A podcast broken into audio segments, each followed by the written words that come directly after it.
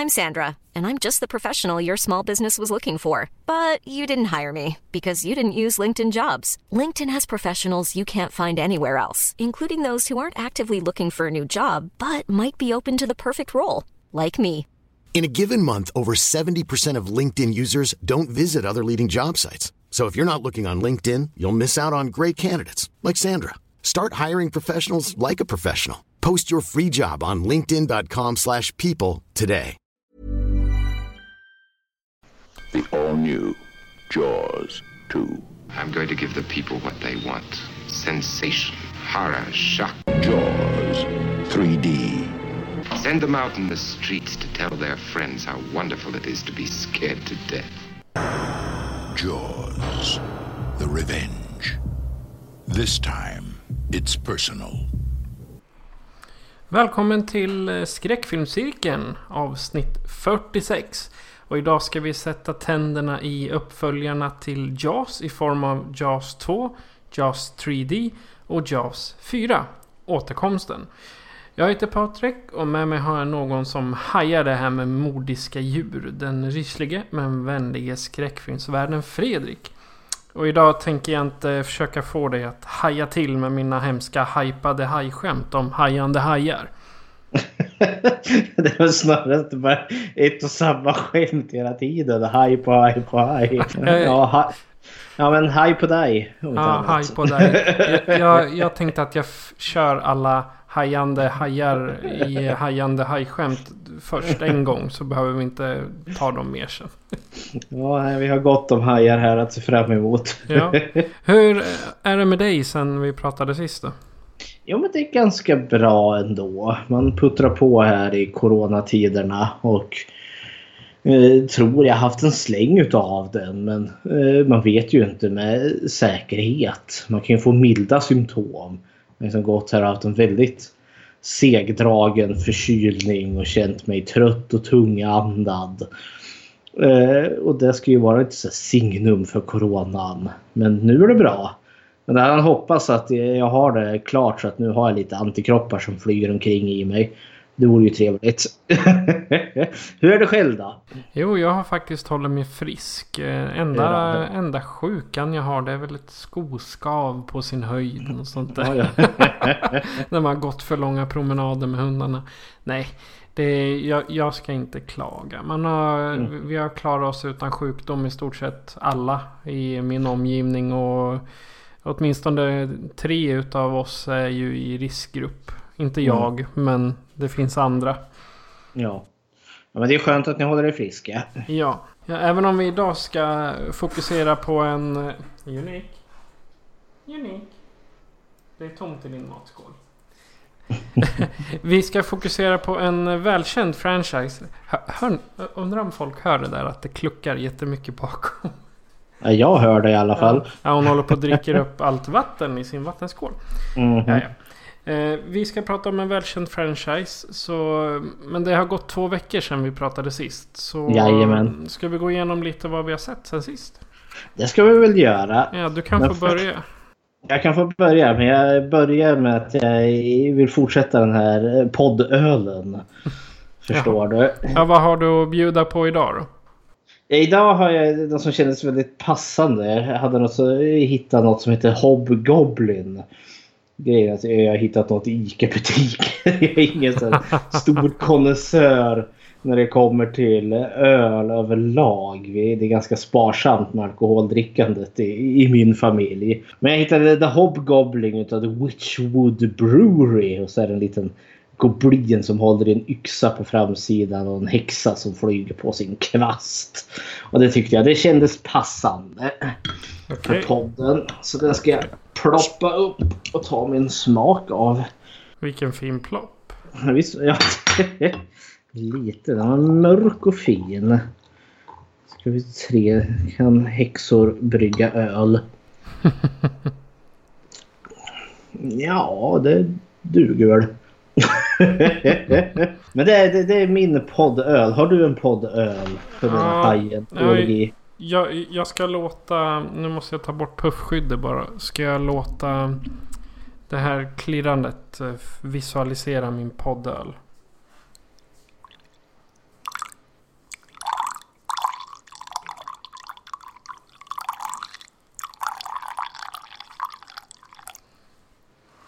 Det lät, det lät som att du gick på toaletten tyckte jag. Ja, ja. Fast eh, där det, där det själva verket var, var att det var en eh, marockansk välmald eh, kaffeböna. Ooh. Som jag har tagit. Så jag avstår alkoholen idag och det blir ett nymalet, nybryggt kaffe istället. Poddkaffe.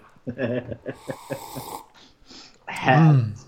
Ja, den är god. Jag, jag fick en eh, påse med kaffebönor i födelsedagspresent. Så de Det är inte dåligt. dricker jag med andakt av. Mhm. Jo då, jag har sett lite. Jag har sett mycket tv-serier här. Eh, Men sen jag har också plöjt tre Hajen-filmer. av sjunkande kvalitet. Men jag har fått in lite annat. Jag har haft en, en film som heter Red Sands. Från eh, 2009. Som har stått i min hylla i en förfärlig massa år. Och som jag köpte på DVD på, på Myrorna eller något liknande. Enda anledningen till att jag införskaffade den var för att han regissören Alex Turner gjorde ju också den här eh, Dead Birds. Den här Västernskräckfilmen som kom 2004. Och den tyckte jag om. Så då vart jag nyfiken på den här. Så nu tog jag mig i kast att se den. Och det var en ojämn film. Eh,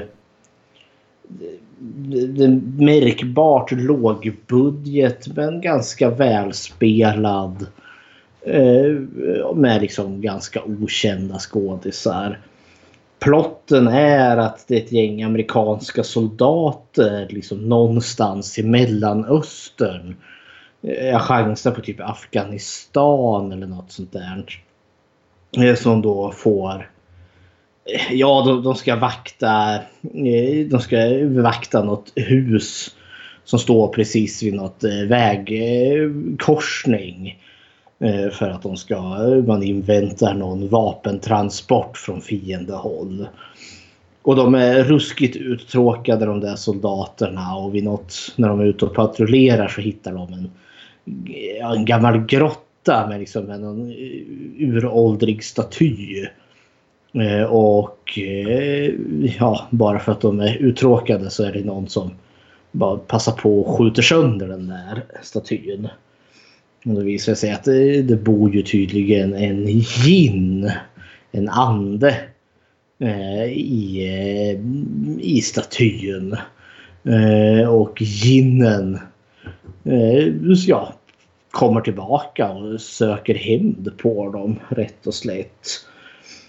Eh, den funkade på det sättet att, liksom att det var det var liksom klaustrofobiskt. Det var ju snarare ungefär som ungefär som den här filmen The Thing med Kurt Russell. Att de börjar bli mer liksom paranoida. De, börjar liksom, de sover dåligt och så börjar de drömma läskiga mardrömmar och deras dåliga samveten börjar gnaga på dem. Och så börjar de höra saker och den här ginnen får väl dem också att se saker som inte finns där. Eh, men ja, helt okej. Average som bäst. Lite för långsam men när väl paranoian väl satt igång var det helt okej.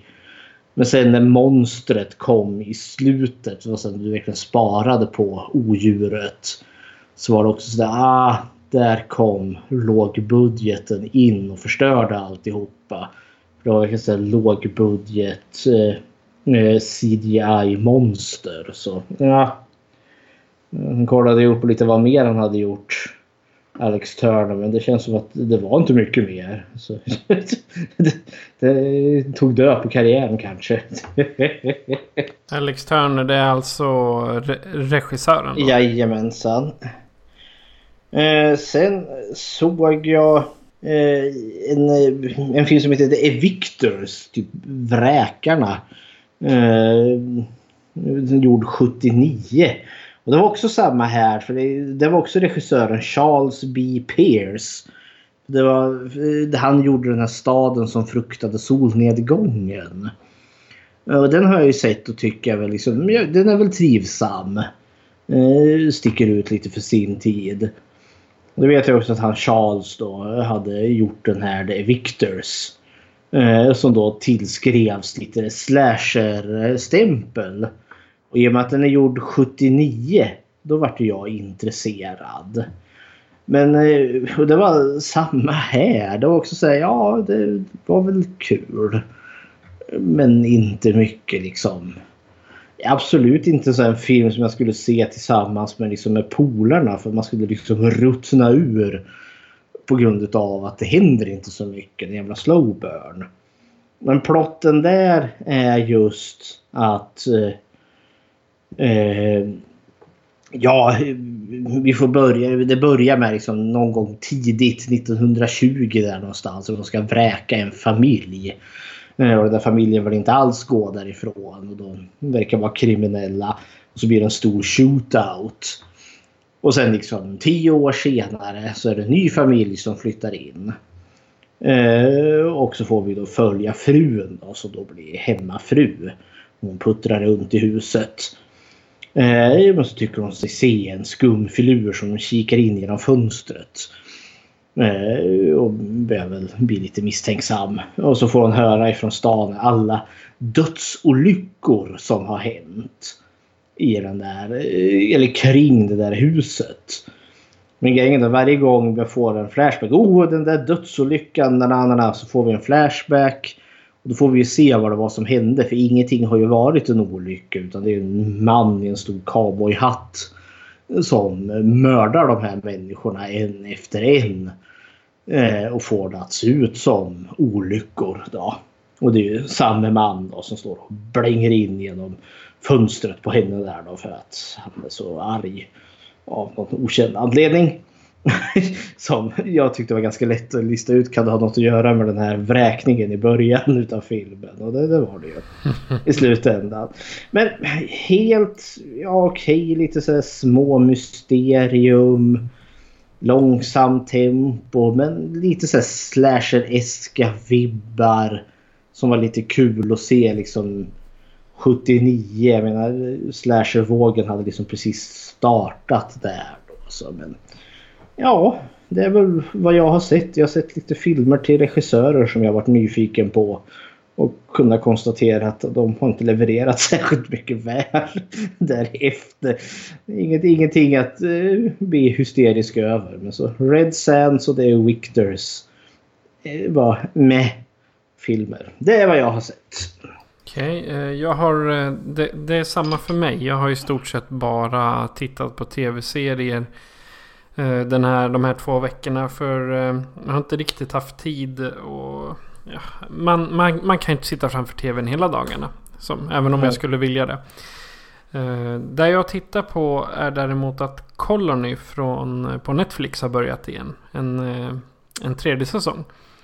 Och det jag gillar med den nu är att avslutningen i säsong två hade potential för att öppna, det öppnade upp för ytterligare en säsong men det kunde också vara en avslutning. Så, jag, jag, jag gissar att det var tanken i det här fallet. Att ja, men vi kanske ska avsluta den och vi kanske ska börja om med den. Eller fortsätta med den.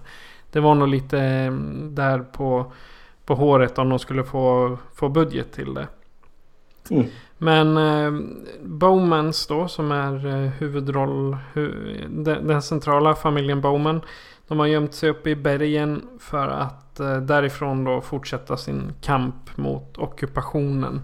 Jag har bara sett första avsnittet och efter vad jag kunde känna där så har jag ganska höga förväntningar. Mm -hmm. Och eh, Colony är ju med bland annat eh, Josh Holloway som mm -hmm. spelar Sawyer i Lost. Oh. Och apropå Lost då så har jag fortsatt med det. det så gott som. Det är, det är skönt att vila ögonen på ibland. Ett mm. avsnitt med Lost. Så nu är jag framme på eh, säsong 5. Och det är väl sista säsongen va? Näst sista. finns näst den sjätte okay. säsong. Ja. Mm. Och det blir ju bara mer vrickat ju längre serien går. Det är liksom folk dör. De lämnar meddelanden från bortom graven. Och plötsligt så börjar man se... I de, de första fyra säsongerna så ser man ju vad som har hänt. Det går mm. bakåt. Oj, apropå det så stannar en eh, ambulans utanför på gatan här. Det var inte dåligt. Nej, eh, i alla fall då så börjar man se bak. I, i, i de första ser man ju bakåt. Vad, vad som gjorde att karaktärerna är där de är. Men nu så har, är inte flashbacksen som man ser tidigare. Utan nu är det flash forwards. Vad som händer när, när de kommer ifrån ön. Jaha, sådär. Ja, och...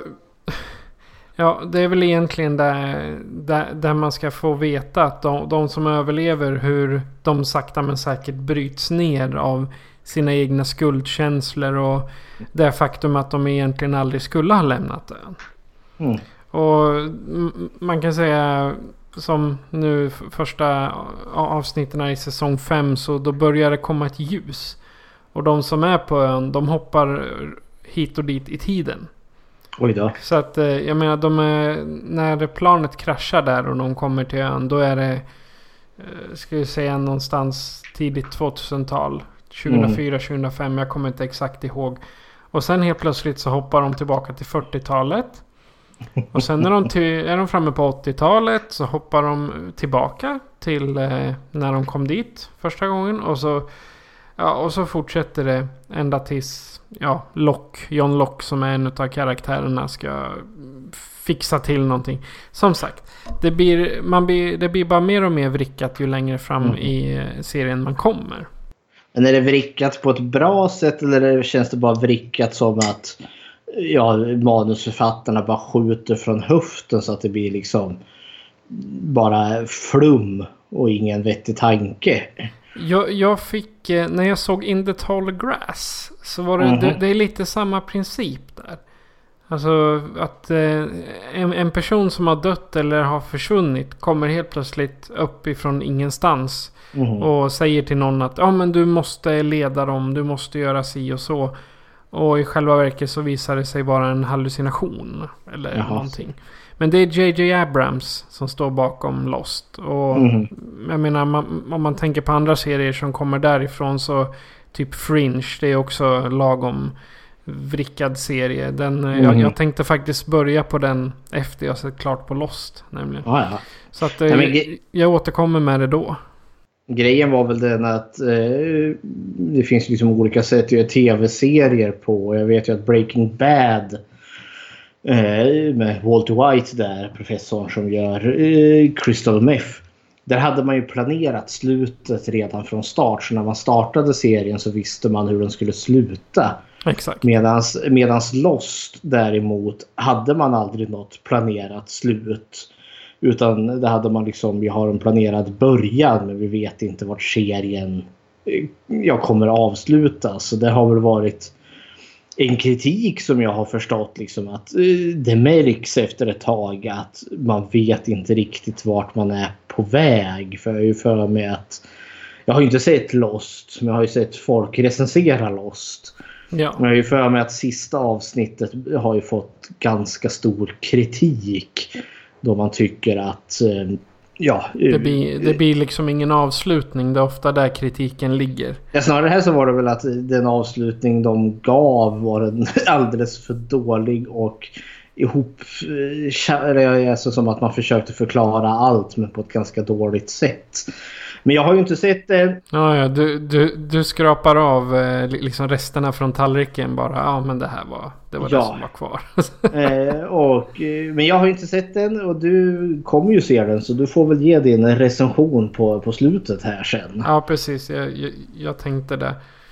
Eh, men det är vad jag, vad jag har haft tid att titta på. Mhm. Så, så att, eh, men ska vi ge oss av till eh, dagens tema som är eh, uppföljarna till JAS. Jajamän. Och idag kommer vi prata om tvåan, trean och fyran. Mhm. nämligen. Så att eh, här kommer en trailer till JAS 2. Från 1978. ska jag säga.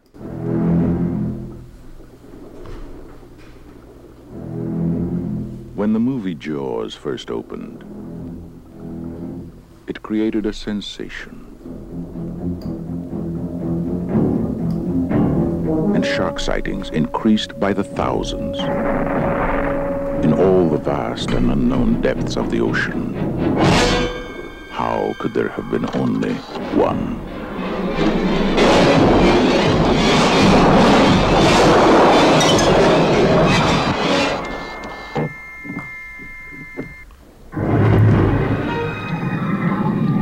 Once, there was a terrible tragedy here. But today, Amity has a new hotel and the promise of a perfect summer.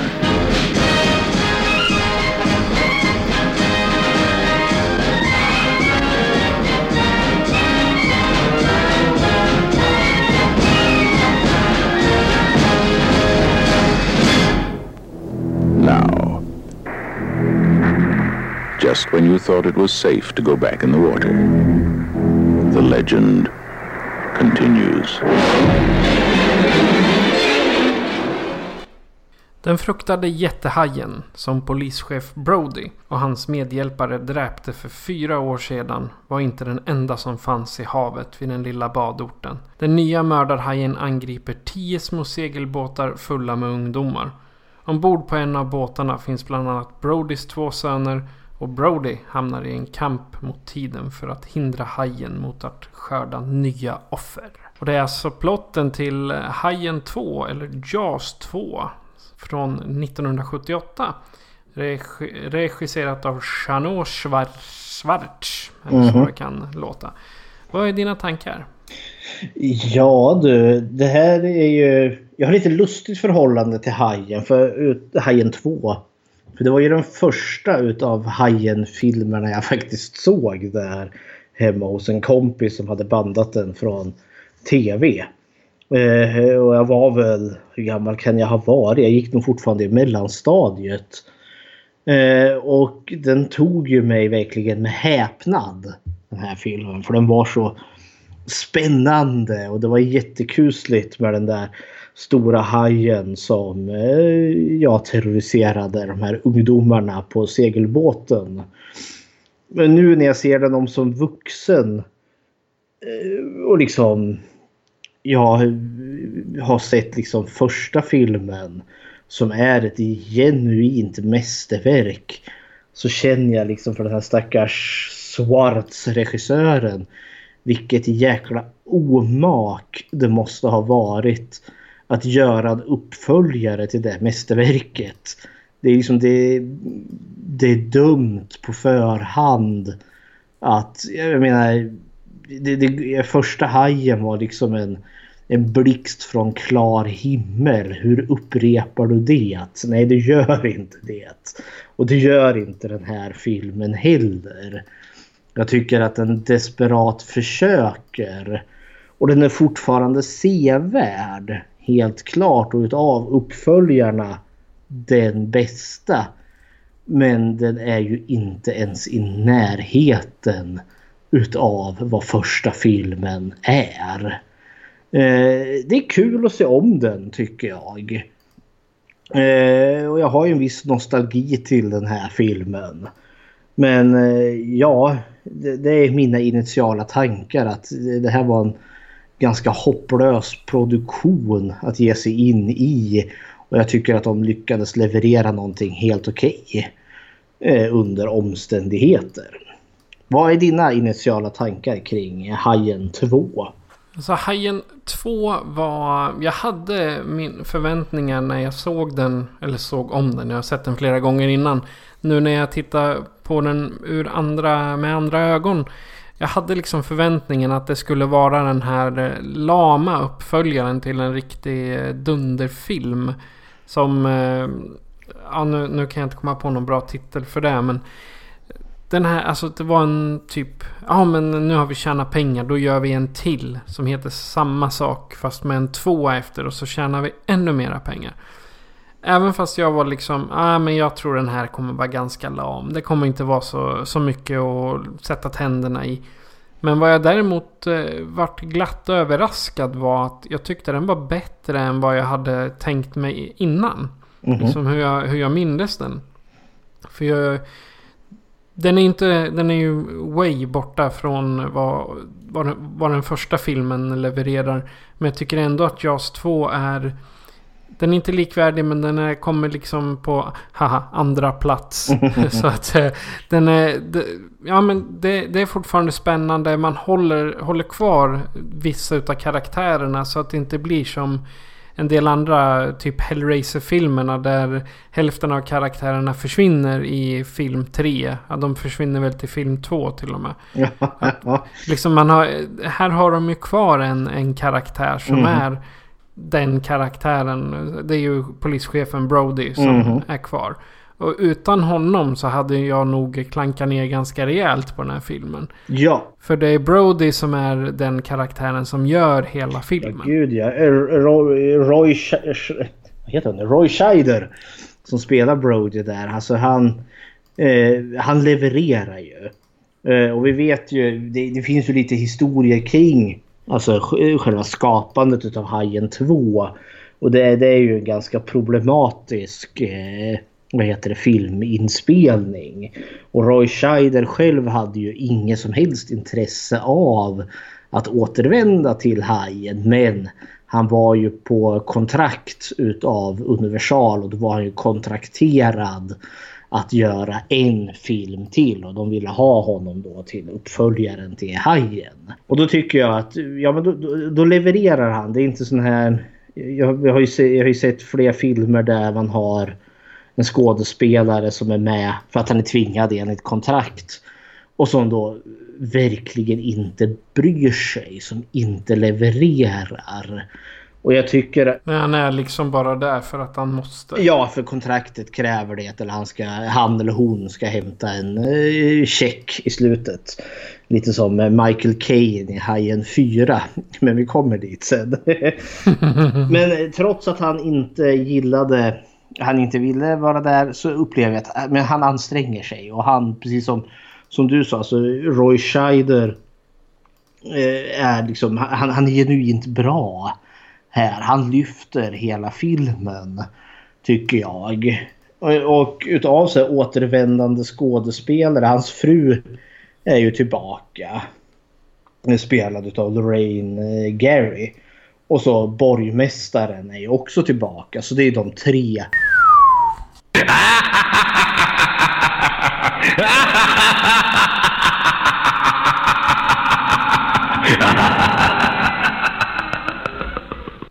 Jaha, och där eh, så sa min hårddisk, min externa hårddisk att eh, ah, ah, ah, hårddisken går för sakta, nu kan du inte spela in. Mhm. Ah. Teknik. Så Vincent fick sig ett skratt. Vincent fick sig ett skratt. Våran Vincent Price där. Mitt i en mening kan tekniken bara dö ut sådär. Ja. Men vi pratade väl om, eh, vad var det, skådespelare som återvände. Ja. Och det är ju liksom, eh, ja, paret Brody och borgmästaren är tillbaka.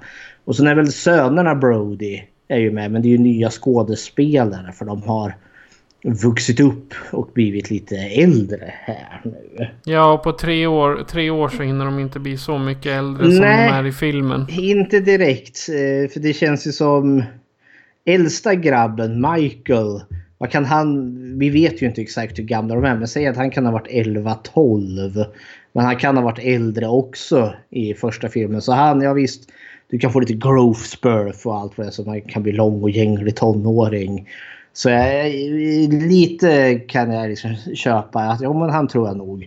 Men Sean som kanske är vad kan han vara i första typ fyra eller något sånt där. Har nu plötsligt gått och blivit typ 12.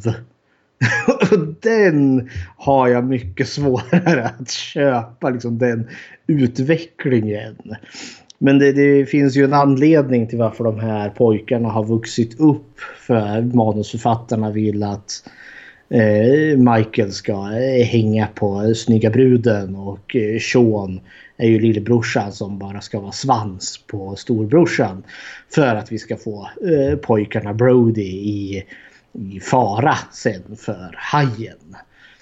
Eh, och ja, det, det märks, jag tycker väl här märks att det, det finns ett fattigt manusförfattande i den här. Så vitt jag förstod så var det ju eh, liksom Universal som började bli oroliga att de skulle eventuellt förlora rättigheterna till hajen.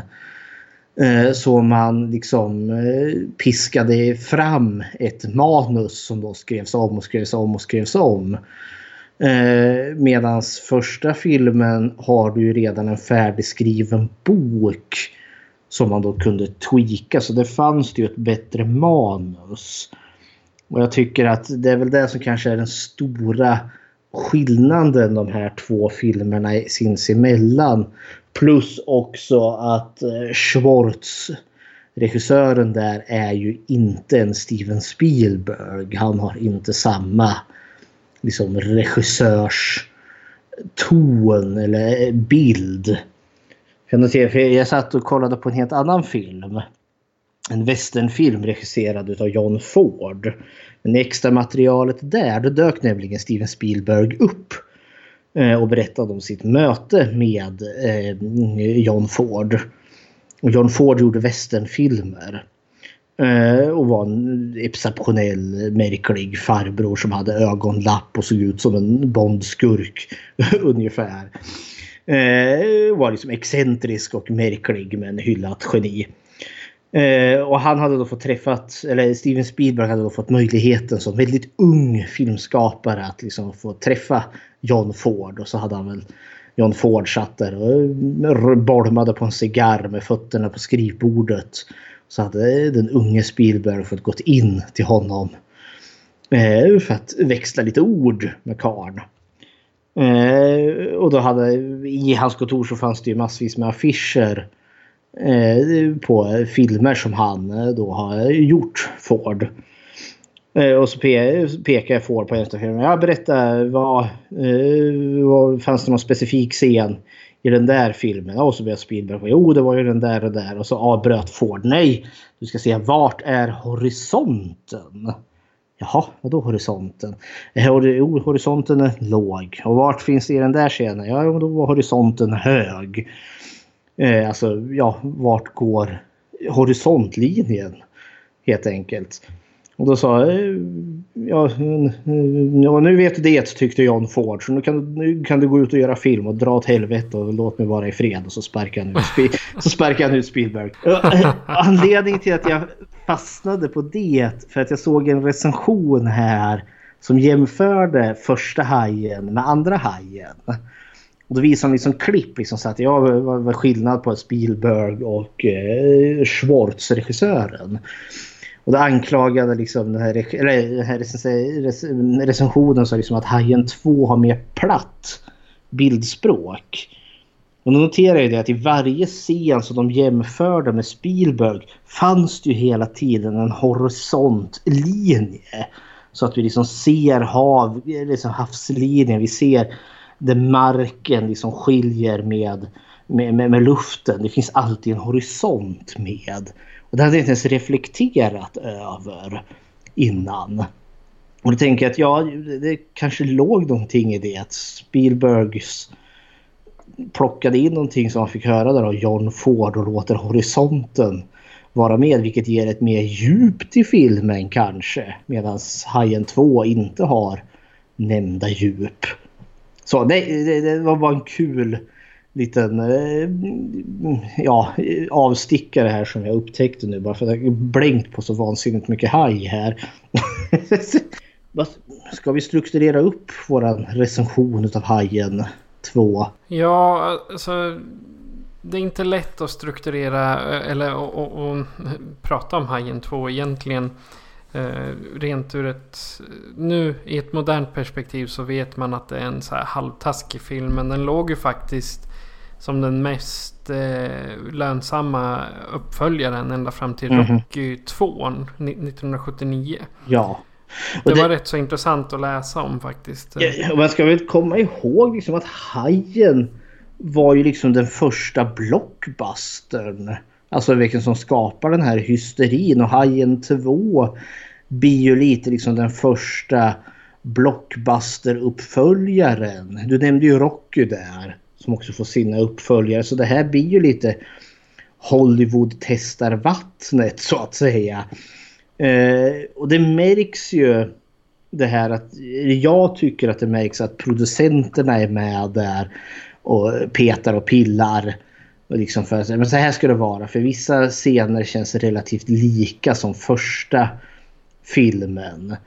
Men samtidigt det är en ganska lyckad uppföljare ändå. För jag, jag tycker det är trevligt att återuppleva eh, karaktärerna. Jag tycker det är trevligt att återuppleva Amity-ön. Det är liksom, jag noterade här att det är snyggt. Eh, nej men miljön är väldigt vacker eh, och det är mycket som filmat liksom på plats. Det är naturligt ljus. Och det är fortfarande liksom, jag blir nyfiken på liksom den här ön Amity. För det verkar liksom trivsamt överlag. Eh, det som jag tycker kanske är filmens problem är faktiskt hajen i sig, alltså själva skräckmomentet. För det här är väldigt mycket mer en skräckfilm än vad första filmen är. För den inleder ju med att vi får se ett gäng dykare som hittar eh, skeppet som sjunkte i första filmen. Eller sjönk första filmen. The Orca. Eh, och sen ganska så direkt så blir de ju uppätna utav hajen. Eh, och här noterade jag vad jag tyckte liksom, i första filmen tog det nästan en hel timme innan vi ens fick se hajen. Men i film två så tar det inte mer än två minuter innan vi faktiskt får se en första liten blänkare av hajen. Det, är inte det går för fort innan hajen kommer fram. Mycket och eh, sen tar det ju inte allt för lång tid därefter då hajen tar hon på, på vattenskidorna. Och, och det är ju med på omslaget. Eh, det är ju som det är omslagsbilden på, på filmen. Eh, och sen attackerar ju hajen också den där båten. Eh, som då exploderar. I en stor liksom eldexplosion. Eh, och jag tänkte, vi får se väldigt mycket av hajen ganska tidigt. Och det tyckte jag var kanske problemet med den här filmen. För den bit som jag faktiskt uppskattade mest var efter de här inledande hajattackerna. Eh, då eh, polischef Brody där börjar misstänka att finns det en till haj i vattnet? Och börjar bli lite, lite nojig. Och börjar se saker. För, för efter de här ganska snabba eh, hajattackerna i början. Eh, då är det inte så mycket haj-action.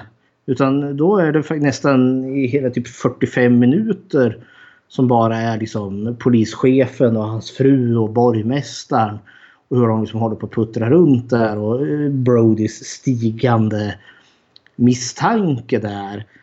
Och jag tänkte hur mycket mer effektivt det hade varit om vi inte hade fått sett eh, hajen. Eh, vi, vi, hade kunnat haft den där liksom exploderande båten och allt det där men inte fått sett hajen. För, för just kontexten där är ju med den här exploderande båten är att det sitter ju en gammal dam på verandan till sitt hus. Och hon blir ju vittne till explosionen men hon ser ju inte själva hajen. Jag tänker om man hade filmat det där lite bättre, lite snyggare så att vi kanske inte heller hade fått sett vad är det som händer vi får en båt som exploderar. Jag har bara fått sett hon vattenskidåkerskan bara plötsligt försvinna in under vattnet och sen kanske se den här båten på avstånd och hon kvinnan i båten får panik och sen båten bara exploderar helt oförståeligt. Då hade vi som haft ett mysterium. Även om vi förstår ju självklart för det, det här är liksom det Jaws 2. Det är en haj på omslaget. Självklart kommer det vara en haj med i den här filmen. Och då hade jag liksom kunnat få blivit mer investerad i, liksom, eh, i Brody och hans liksom stigande paranoia. Och sen kanske då ja, hans eh, upprättelse när det faktiskt visar sig att det finns en till haj. Så, så det är liksom min stora brist åtminstone här i början. Att det är alldeles för pang på med hajen. Eh, och det finns material till en bättre film här. Eh, för, för jag gillar den här biten med just Brody och hans stigande misstankar. Och hans fru. Och jag gillar till och med borgmästaren hur han porträtteras här. För han porträtteras något mer sympatisk. Eh, för de, man introducerar ju en ny karaktär här. En fnissnisse som heter Len. Det är filmens början där de inviger någonting. Han är väl eh, riskkapitalist som Ja. har betalat typ allt. Ja, för jag, Vad heter det? ja, för jag, jag, kommer ihåg, jag förstod inte riktigt när jag såg filmen vad de invigde. Men så nu hörde jag ju trailern här att de invigde ett hotell. Tydligen. Så han, Len är väl den som har investerat i det här hotellet. Och han sitter ju med i det här rådet. Och, Ja, han bygger väl hotellet för det, dels för att skapa jobb åt Mhm. boende där och sen dels för att dra dit eh, journalister höll jag på att säga, eh, turister. ja, Så för Am- Amity de eh, har ju ingen turistnäring på vintrarna i stort Nej. sett. Utan de, de lever ju på där de säljer in under sommaren. ja. Men det, det jag läste om just själva byn eller eh, ön där de, där de spelar in det var att efter första Hajen-inspelningen Mhm. så gick de ner i någon typ av depression. Jaså Så minsann. när, ja, så när de skulle komma dit och spela in Hajen 2 då var liksom butikerna var igenspikade och eh, jag kommer är det Marth, Martha's Vineyard Ja. de spelar in det på. Ja, och den, den staden gick i stort sett under. Kära jag förstår det rätt. Ja. Så det är, filmen orsakade det som den fiktiva staden var rädd för skulle hända hände för den riktiga. Ja, jag tror, nog, jag tror nog snarare att det var ekonomisk kris som Ja, gjorde det. Men eh, jag menar det... De, alltså, de borde ju egentligen ha fått en ökad turistnäring. Jag menar för hur många... Hur många åker inte för att se de här eh, platserna när, när man fortfarande spelar in ute eller är på ett visst, en viss plats? Att det kommer folk dit och tittar hur det såg ut. Visst, man hade väl kunnat kapitalisera på det. Men det är väl det här som vi ska komma ihåg som är så unikt med första filmen. Att det är ju den som liksom skapar hela den här hypen. För visst, Martas Winyard skulle nog lätt kunna liksom och bara kör på. Det det är det här liksom storfilmen eh, Hajen spelades in och har liksom eh, Jaws-baserade eh, restauranger eller liksom någon staty på, på Hajen Bruce eller något sånt där. För folk skulle liksom söka sig dit bara för att oh, det är, jag står på samma plats där eh, man spelade in Hajen bla bla bla bla bla bla. Men det här var ju liksom helt nytt. Så ja. Hipp. Det kom väl senare. Jag tänker det är senare generationer. Så jag vet inte om Martha's Winyard kanske har något sånt där. Det borde de ha. Ja, nå- någonting sånt borde de ju ha. Mm. Nåväl. Film Hajen 2, alltså den går ju verkligen in i det här skräckterritoriet. För vi får ju liksom en brännmärkt haj här. Hajen bränner ju ansiktet när båten exploderar. Jag kan inte låta bli att tänka lite så här, du vet maskbeklädd mördare med sitt vanställda ansikte. I och med att hajen sen kommer terrorisera den här gruppen tonåringar. För den känns väldigt slasherfilm. Hajen. Trots att den är gjord typ, alltså den är, den är gjord 78. Eller hur? Eller har jag fel? Den är 78. Ja, 78 Ja kom den ut. Och den- har kommit ut på sommaren. Och 78 på hösten där, så några månader senare kom ju Halloween. John Carpenters Halloween. Med Michael Myers, den som kickar igång hela slashervågen. Så den är ju före där, men den känns väldigt slasher-esk. När hajen sätter efter tonåringarna där. Eh, och vad, vad tycker du om det? För det tycker jag är den stora skillnaden. För den här filmen har ju verkligen ett body count. Det är mest människor dör i den här filmen. Hajen avpoliterar de där tonåringarna en efter en. Eh, inte allihopa, majoriteten överlever ju förvisso. Men vad, vad, vad tycker du liksom i, i kontrast till första filmen? Eh, var det här någonting som du uppskattade eller var det något som du inte uppskattade? Att eh, om jag förstår det rätt, alltså att hajen var framme tidigare och oftare. Ja, det, och framförallt slutet där. Liksom hur, den sista delen där det verkligen är den här hajen som bara mördar folk. Ah, Alltså egentligen så hajen i första. Den, där i första filmen, där gjorde den ju bara... Alltså den, den åt upp sånt som såg ut som deras mat i stort sett. Och sen eh, hade den ihjäl folk när den vart eh, attackerad. Mhm. Men sen här i tvåan så kommer hajen in och bara Åh, det är en eh, tjej på, i vattnet. Mm, jag tar lite lunch här minsann. Och, men samtidigt då, och... För hajar äter normalt inte människor. Nej. Och det är ju, I och med att jag har, jag har läst lite om det där också så... Jag menar, de attackerar människor om de känner sig hotade eller om människorna blöder på något sätt. Eller om man slänger ut slaktavfall eller vad det är. Men det är inte så att han eh, automatiskt kommer upp där så bara mm, nam, och så försvinner hon. Nej, det, det, Liksom, Hajen i den här känns ju mer verkligen som en mordmaskin. ja, det är liksom som en vattenburen Michael Myers Ja. Och det är det jag tänker också för första filmen. Där tycker jag liksom hajen där. Dels är det så mycket större mysterium kring den. Men den, den hajen känns ju nästan intelligent. Den, liksom, den jagar ut dem till havs. Den verkar göra saker och ting medvetet ungefär som att den har en plan. Även om liksom filmen inte uttrycker det utan det är ju snarare att vi får uppleva det genom typ fiskexperterna eh, Quint och Hooper som är helt förbryllade över hur hajen beter sig. Så hajen i första filmen den har ju lite mer personlighet tycker jag. Medan hajen i film nummer två det är ju verkligen liksom mord, mord, mord, mord, mord. Ja, allt den gör är liksom mord och blod och död för den kan inget annat. Det är som säger, liksom en Michael Myers i, i våtdräkt som simmar omkring och mördar folk. Men eh, med det sagt, alltså den här är ju mer spektakulär. Vi får se hajen ta ner en, en helikopter. liksom så helt hysterisk scen. Eh, En helikopter har hittat de här ungdomarna som är ute och mm, ja, blir terroriserade av hajen. Och så landar den ju på för de så stora puffar och då kommer hajen där ahaha, och drar ner hela, hela helikoptern där. Och sänker Ja, den. det, det är också sån här. Men hallå.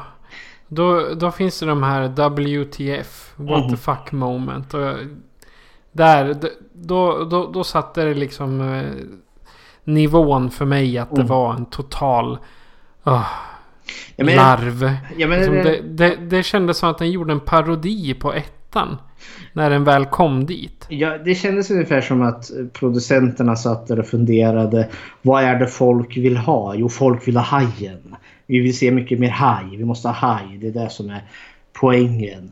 Och jag tänker, för mig var det så när hajen sänker eh, helikoptern.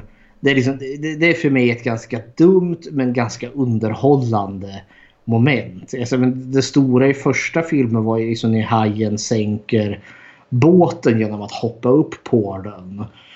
Eh, och det funkade liksom för det var liksom i, i dens egen filmens kontext. Vi har inte fått sett hajen göra så spektakulära saker. Men här kände jag att det här är liksom bara så dumt popcorn moment.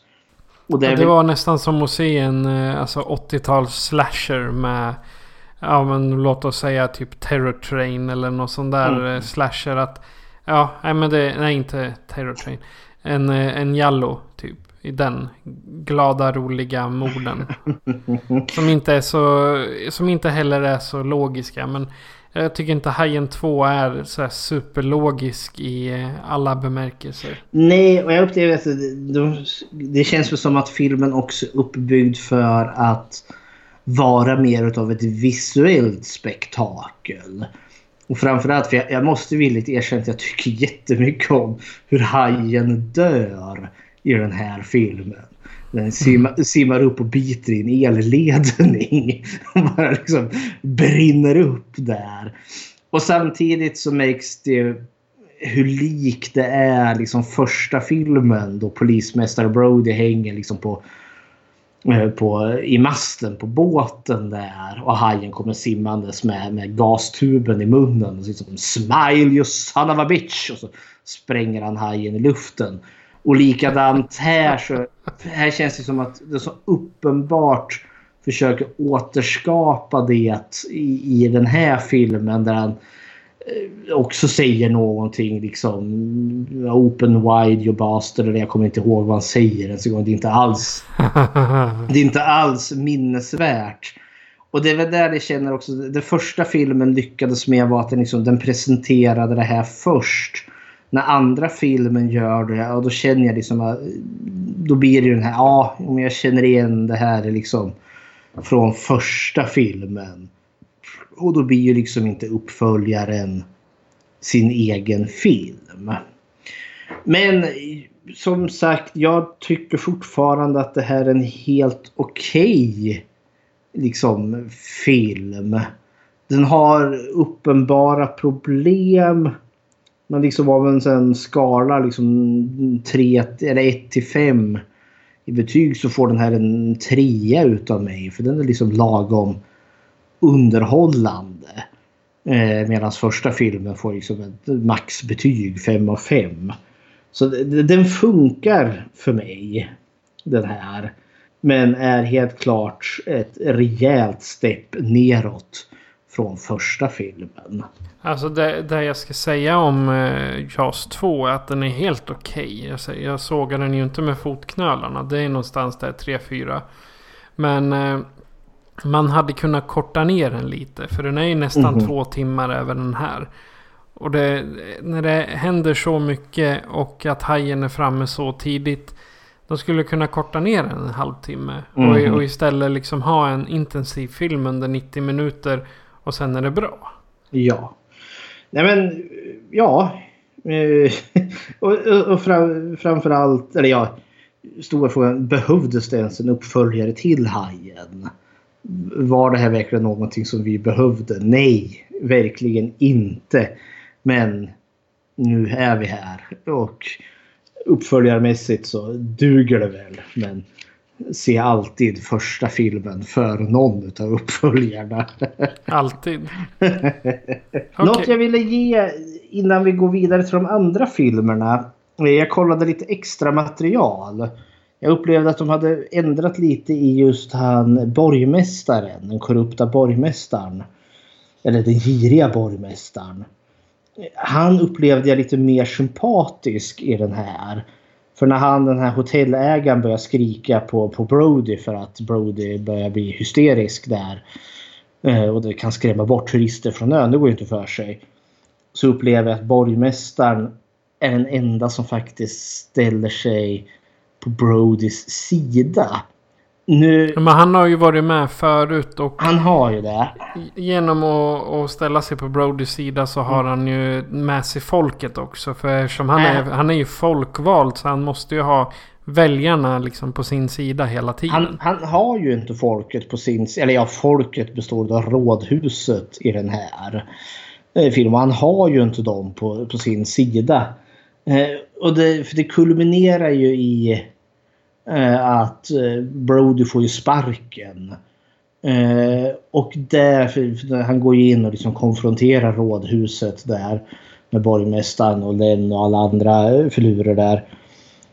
och så går de ju in i ett rum och så väljer de att vi, vi ska rösta om saken. Och så får inte vi se något mer utan då går det liksom bara klipp till att Brody kommer brusad hem till sin fru och säger liksom att jag har fått sparken när man kollar på det bortklippta materialet då får man faktiskt se vad som händer inne på det där mötet där de sitter och diskuterar. Och så kommer de fram till att alla ska rösta till vem som anser då att polismästare Brody bör få sparken. Och då röstar alla för förutom borgmästaren som röstar emot. Och jag tyckte det var så synd att de klippte bort den scenen ur liksom den färdiga filmen. För jag tyckte liksom att det, det vart höjdpunkten. Jag älskar det jättemycket att den dumma borgmästaren faktiskt ställer upp på Brody här. Så ja, det var det enda jag ville liksom ge den innan vi skuttar till nästa film. Ja. Har du gjort ett Bechdel-test på Hajen? Det, det har jag och det är lurigt. Vi har betydligt mer kvinnliga karaktärer här. Vi har Ellen Brody. Eh, vi har Miss Polly. Eh, som då är Brodys sekreterare. Hon dyker upp igen här. Vi har då alla de här ungdomarna. Alla kidsen. Eh, och då är det väl Tina Wilcock som är... Hon är den här tjejen vars pojkvän blir uppäten där sen. På, vid segelbåten där. Och sen har vi alla de här andra brudarna som finns med eh, på, vid segelbåtarna där som blir terroriserade. Och det, det är då eh, vad heter hon nu? Det är Terry och det är Denise och det är Jackie och det är Brooke och det är Lucy. Eh, vi har garanterat mer än två namngivna kvinnor och vi har flera scener där de träffar varandra. Men det är jättesvårt att avgöra alltså när de pratar med varandra för det är knappt att de gör det. Alltså jag vill jag, jag vill säga att Hajen 2 inte klarar Bechteltestet. Men jag kan ha fel. Men det fanns liksom aldrig någon gång en sån solklar scen som dök upp. Där vi hade två namngivna kvinnor som pratade med varandra om något annat än män. Vi hade kvinnor som stod i bakgrunden som vi vet är namngivna men vi kan inte höra deras dialog. De kan ju ha pratat om någon snygg hank de har sett på tv liksom. Eller en snygg haj. Man vet ja, en snygg haj. En snygg hajink. hajink. Men nej, jag, jag är lite velande här. Men jag tror att Hajen 2 inte klarar Bechteltestet. Men jag slänger in brasklappen att jag kan ha fel. Okej. Okay. Då så, det var JAS 2 från 78. Så vi mm -hmm. studsar vidare till JAS 3. Från, mm. Eller 3D till och med. Från 1983. Och här kommer en trailer. A creature alive today has survived millions of years of evolution. It lives to kill. A mindless eating machine that will attack and devour anything. One terrified you like nothing you have ever experienced when it captured your imagination and tapped your fear like no movie before it. Then, just when you thought it was safe to go back in the water, two continued the legend and spread the fear.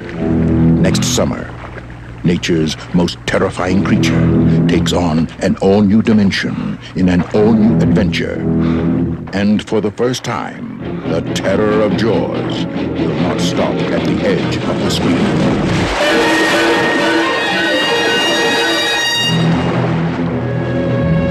Jaws 3D. The third dimension is terror.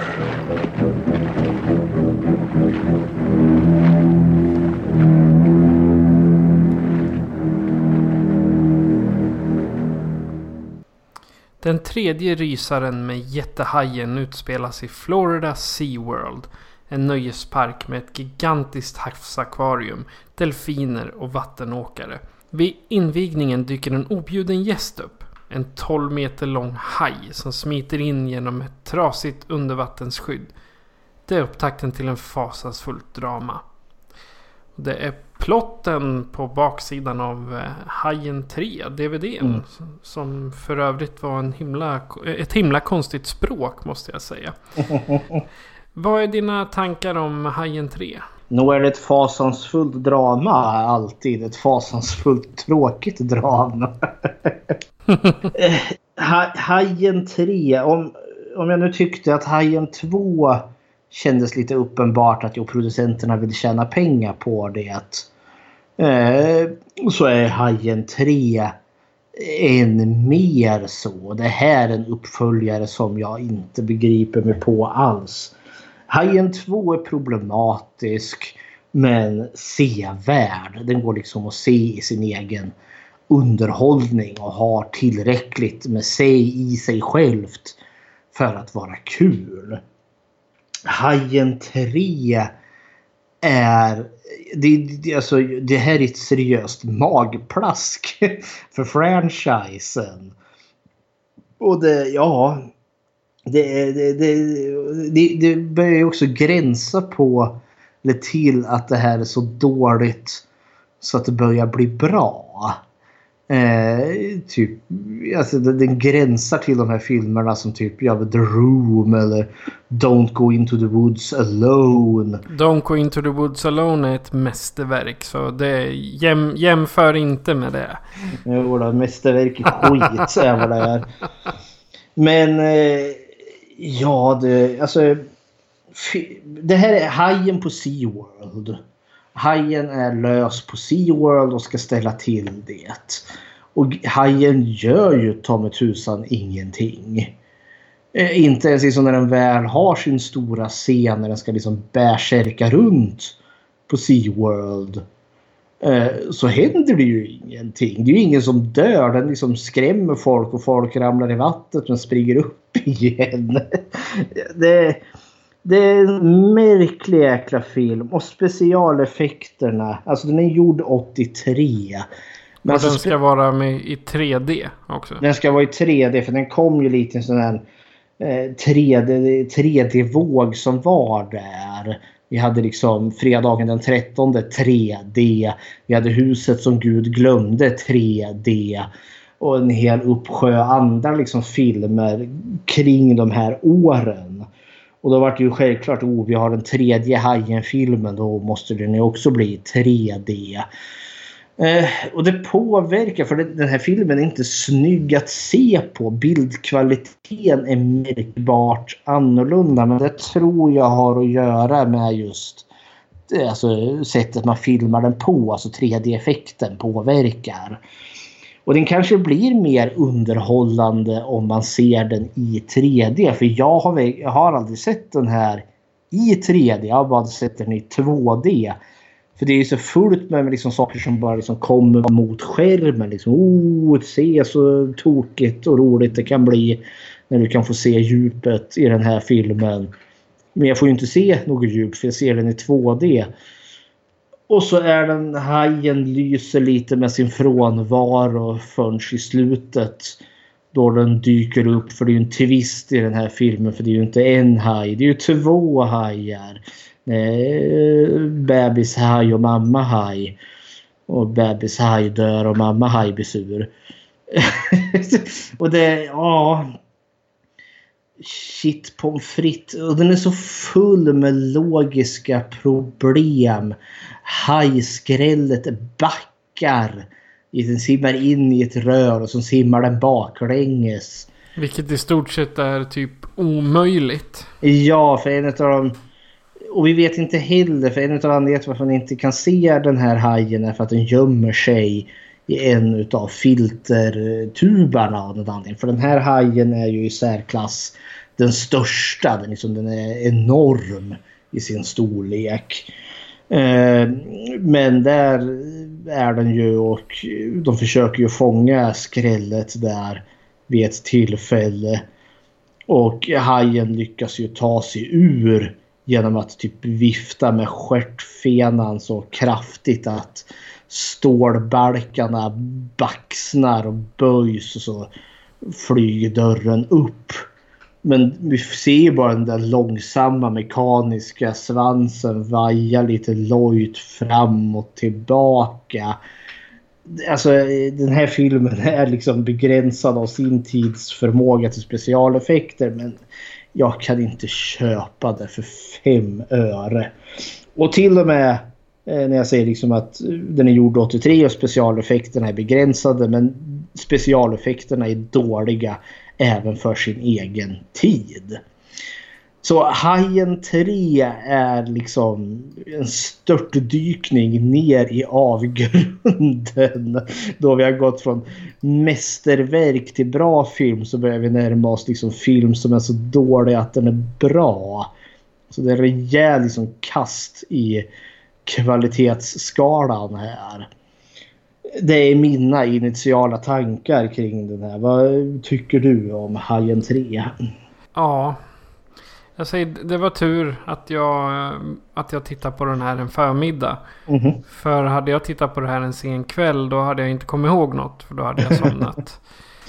Men uh, Hajen 3 är precis som du sa. Det är Hajen på SeaWorld eller Hajen Goes uh, nöjespark. Mhm. Det är att själva kampen mot hajen blir liksom sekundär. För det är så mycket annat som händer runt om. Det är clowner som dansar, de kommer på vattenskidor och de gör sina tricks och hela tiden så...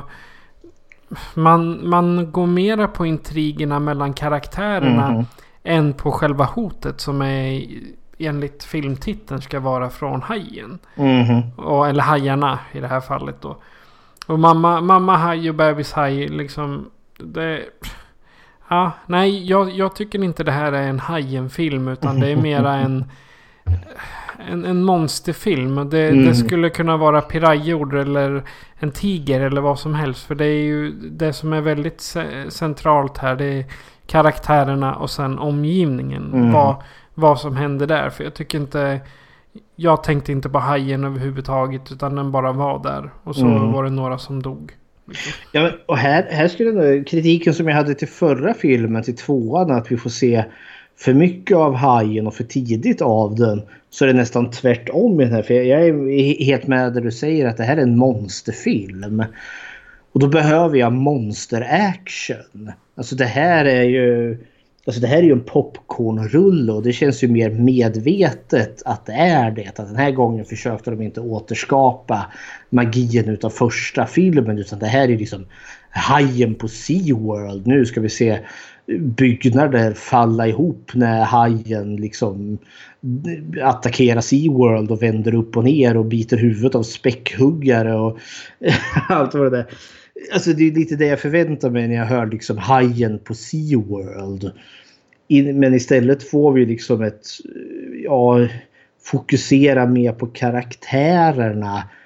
Eh, som ja, springer omkring där på SeaWorld. Och det, det är lurigt här för jag tycker karaktärerna inte alltid genom dåliga heller. Men huvudkaraktärerna här i den här filmen det är ju sönerna. Sönerna Brody. har vuxit upp här nu. Och äldsta brorsan arbetar nu eh, som, eh, ja vad är han, tekniker eller något sånt. På SeaWorld. Är det Mike? Ja det är Mike. Ja, Han är väl någon form av eh, skötare, alltså marinbiologtekniker? Nej, jag tror han, det, det är ju hans flickvän Catherine som är eh, typ Ja, delfinskötaren. det. jag, tolkar som att han, han hade något att göra med själva typ säkerhetsansvarig för själva parken. Eh, så tolkade jag det. Sak samma. Ja, men det, Men det är nog... då- Mhm. Nej. Ja. Undrar vart hans arbetare tar vägen när de blir uppätna av hajen med jämna mellanrum. eh, ja, de två. Eh, eh, Mike och hans flickvän Catherine. Eh, de två, nu ska vi se, det är ju skådespelare som har namn trots allt. Det är ju Dennis Quaid spelar ju Mike Brody. Och Bess Armstrong spelar Cathy, flickvännen där. De två tillsammans gillade jag jättemycket för de hade verkligen så här kemi med varandra. Eh, och, eh, och hon framförallt Bess Armstrong som spelar eh, Catherine där. Henne gillar jag jättemycket. Alltså jag gillar den karaktären. Hon var snabbtänkt, hon var rolig. Eh, och hon verkade veta vad hon kunde göra. så det, det var kul att se dem. Men de här karaktärerna kändes mer som att de skulle passa i en romantisk komedi. Eh, istället för den här filmen. Där vi ska liksom ha monster-action eh, på SeaWorld. Eh, och likadant liksom brorsan Sean dyker ju upp där. Spelad av John Pu- Putsch. Putsch. Som blir då ihop med någon tjej eh, som heter Kelly då, som är eh, spelad av Lea Thompson. Eh, och det, det, det är så mycket fokus på dem. under en lång tid. Eh, och eh, hur de liksom ska... För allt kretsar ju kring att SeaWorld har byggt den här jäkla undervattensgrottan eller undervattens eh, attraktion så att folk kan gå liksom i rör där. Eh, med genomskinligt plast eller glas och så kan man titta på saker och ting eller på eh, fiskarna och det är ju allt kretsar liksom kring invigningen utav det. Och då tänker jag liksom när den invigningen väl kommer det är ju då man ska ha high action. Och det är ju då visserligen hajjäkeln dyker upp på riktigt. Det är då det börjar. Det är då själva spänningen börjar. Ja, men det händer ju typ Ja, ingen... spänning, ja. spänning och spänning. Det... In, innan har vi haft att folk har försvunnit lite. Det är en utav... Eh, vad heter han nu? Oberman. Jag var tvungen att skriva upp karn. Eh, för typ det första liksom vi ser eh, efter titelscenen där.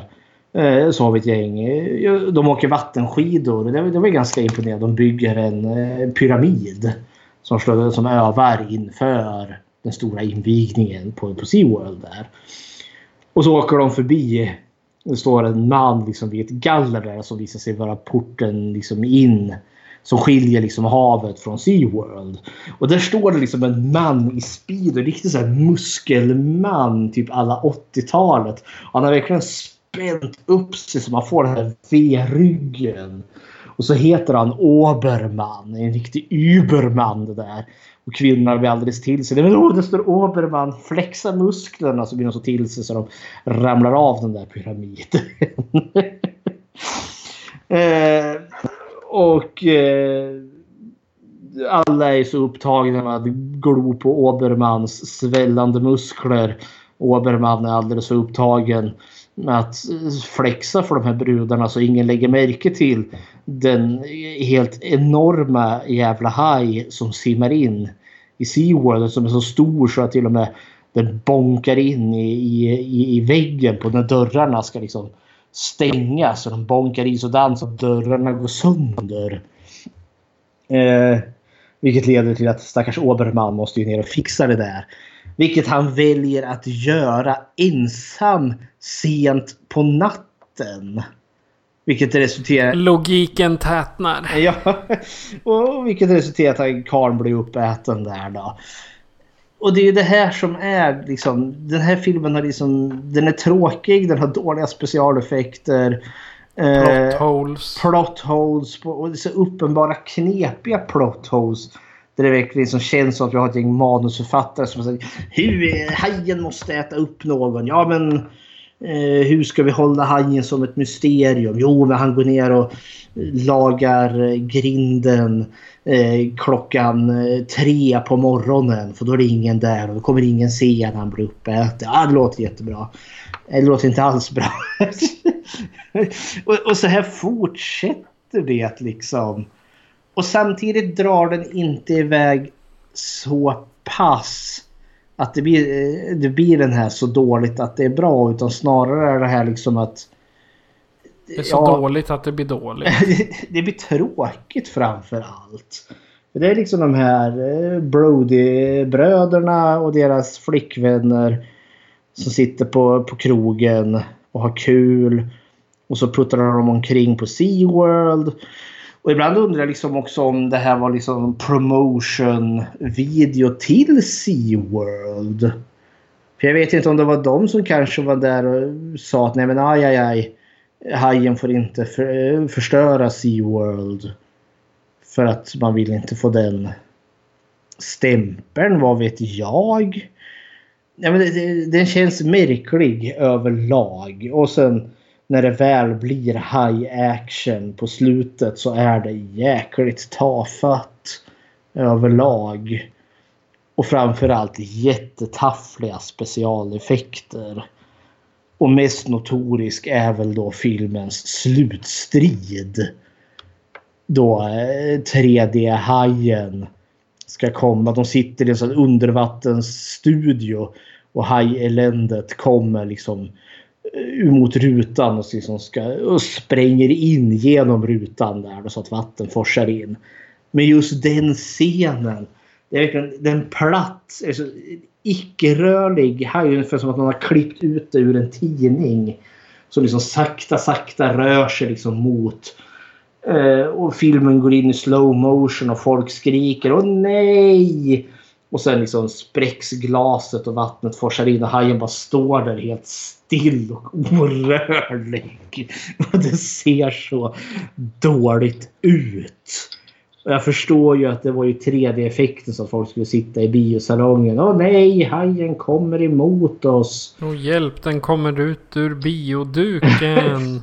Men det kan ju inte ens ha funkat då eftersom att det verkligen är en orörlig liksom, bild på en haj som kommer där. Liksom bara, stjärtfenan rör sig liksom inte utan det är verkligen bara som om någon drar den långsamt över skärmen. Mm. Märklig, märklig film det här. Ja. Och känns enormt onödig överlag. Alltså det, det, skulle inte förvåna mig om den var en enda lång promotion för SeaWorld. Eftersom typ allt spelades in där.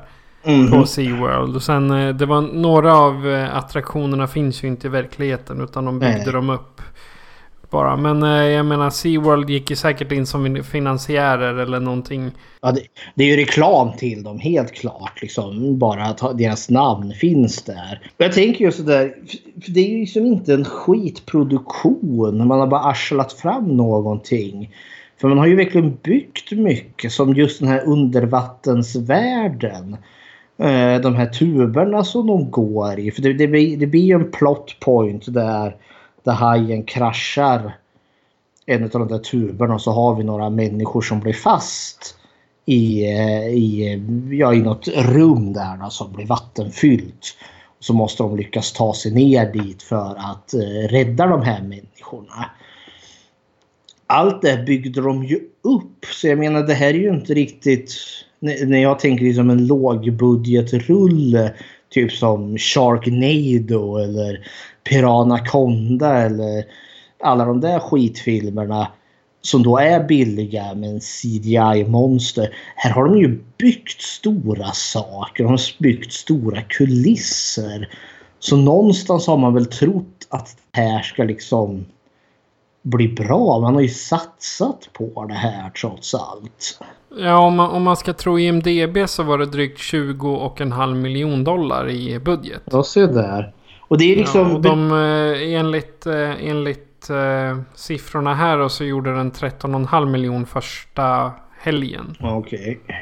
Ja, den spelar väl säkert in för det var första helgen. Sen ska man räkna med mer tid och sen uh, allt vad den spelade in utomlands. Så den... Ja, man uh, kan väl räkna in ungefär 88 miljoner dollar. Ja, ja, då gick den ju i markant vis och fördubblade den ju sin vinst flera gånger. Så. Fyra gånger. Fyra gånger till och med. Se vad jag kan i matte.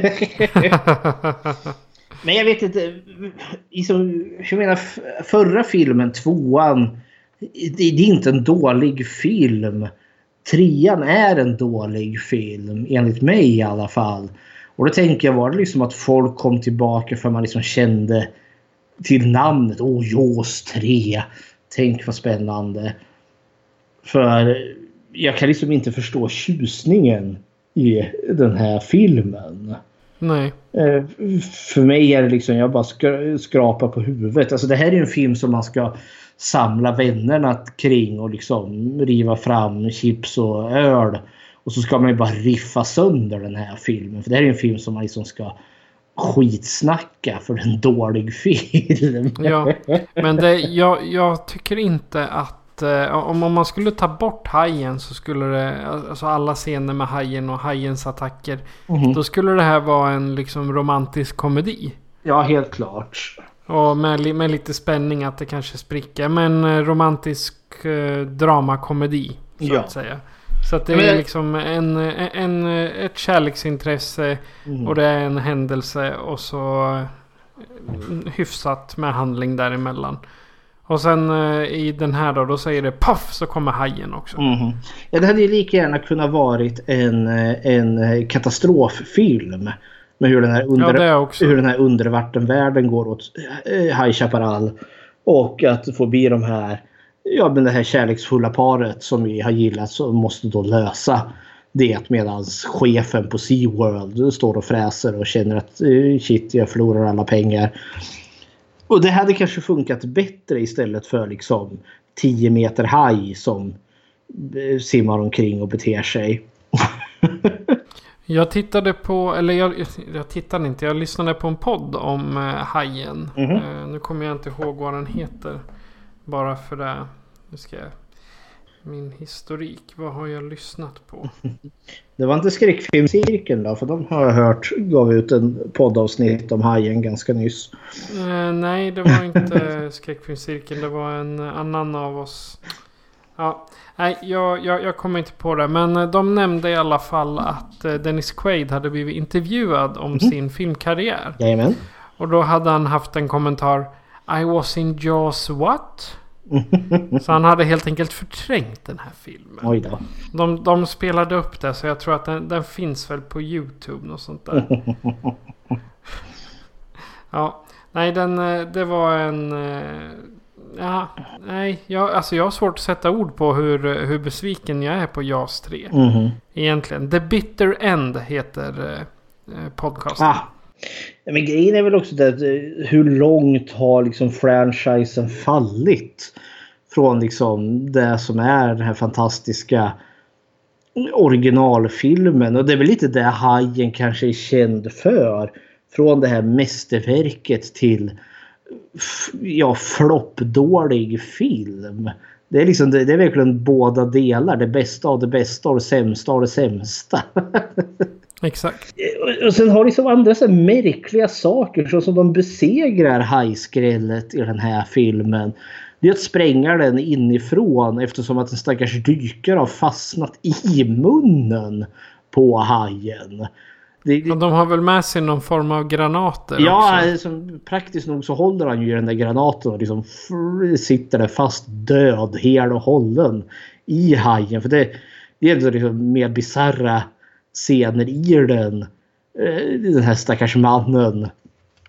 Eh, spelad av eh, Simon McCornydale eller vad han nu heter. Han var väl mest känd att vara med i Falcon Crest och den här Manimal-tv-serien om en deckare som kan förvandla sig till djur. Hans dödsscen är ju att liksom att han han blir ju liksom bokstavligen svald hel och hållen utav hajen och typ hajen krossar honom emot gommen. Liksom, den biter honom inte med sina tänder utan liksom det vet jag, suger ihjäl han, liksom, trycker upp han med tungan mot gommen antar jag. Men han sitter ju praktiskt nog död där i sin helhet i filmens slutskede hållandes i en granat och så lyckas de få loss eh, sprinten så hajen kan sprängas i tusen små bitar. Så ja, hepp hepp. På tal om, eh, eller har du något mer du vill tillägga om hajen? Nej, jag har faktiskt Det. inte det. För jag, jag, skulle, jag, jag skulle fråga dig om du hade ett Bechdel-test. Ja men det har jag och den här gången kan jag faktiskt säga att den klarar det. Eh, vi har eh, eh, två namngivna, mer än två namngivna kvinnor. Vi har Kay vi har Liz och vi har Kelly. Och de här två flickvännerna då, Catherine och Kelly. De träffar ju varandra där i baren bland annat och de pratar med varandra om annat än just män. Så film nummer tre är nog den första i franchisen som faktiskt klarar Bechdel-testet. Yay! Yay! Okej, vi lämnar eh, nummer tre och ger oss av fram till 1987 när Hajen 4 kom. Eller Jaws 4 The Revenge. Så här kommer en trailer.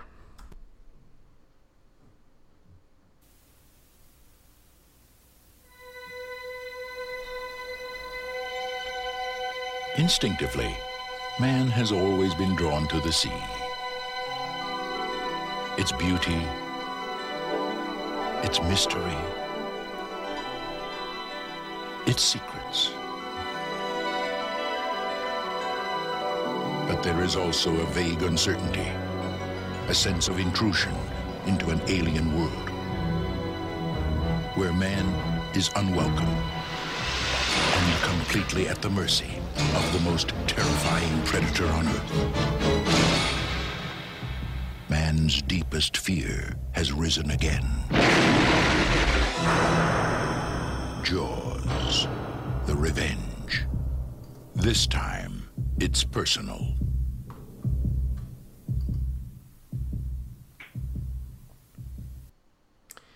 Ellen Brody har just fått veta att hennes son fallit offer för den fruktansvärda mördarhajen. För att skapa sig en ny tillvaro långt ifrån alla uppslitande minnen flyr hon till Bahamas. Men hon hinner knappt installera sig förrän en högst oväntad gäst dyker upp i de annars så fridfulla vattnen. Den här gången dödar den inte blint. Den har valt ut sina offer. Det är alltså plotten till eh, Hajen 4 eller Jaws The Revenge från 1987. Regisserad av Joseph Sargent. Och eh, Fredrik, vad är dina tankar? Det här är ju... Det här är ju... Nu har vi ju nått det här så dåligt så det är bra. Det här är ju i samma kvalitet som The Room eller Birdemic eller Troll 2. Alltså det här är ju en riktig, riktig skitfilm. Och du gjorde en väldigt intressant bildserie för att, eh, för att illustrera det här för oss. Så att i samband med att det här avsnittet publiceras så kommer det också upp en liten, eh, ett litet bildspel på Instagram och Facebook. Där Fredrik visualiserar sina känslor om Hajen 4. Grejen var den att jag hittade en tom whiskyflaska. Och kom på.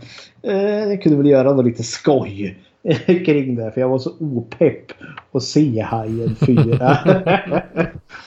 Men alltså, vad ska man säga om Hajen 4 då? Jag tyckte film nummer 3 var märklig. Så Hajen 4 trotsar ju liksom alla vettiga liksom, tankar. Och då ska man komma ihåg att det här är inte Asylum eller Sci-Fi Channel som har gjort eh, något dylikt. Utan det här är Universal. Det är den fjärde filmen i Hajen-serien.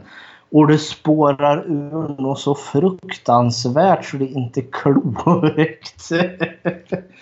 Grejen, jag ska väl ge den här, alltså plotten är ju, vi, nu följer vi fru Brody istället. Eh, sönerna är med också. Men yngsta sonen Sean dör i början av den här filmen. Och det jag tänker ge den nu när jag såg om den här är ju att typ de första kvarten, de första 15 minuterna när vi är på Amity Island eh, och vi ser Ellen Brody och sonen Sean som har gått och blivit polismästare. Julkören som övar. Attacken på Sean och hur han dör.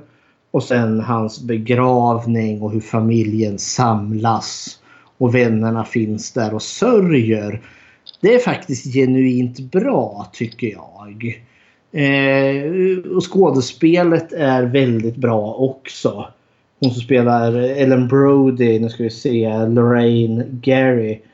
Eh, gör väldigt bra ifrån sig. Jag tycker skådespelet överlag i den här filmen är helt okej. Okay. Men sen, en kvart in i filmen, kläcker fru Brody idén. Jag tror hajen är ute efter oss. Hajen söker hämnd på familjen Brody.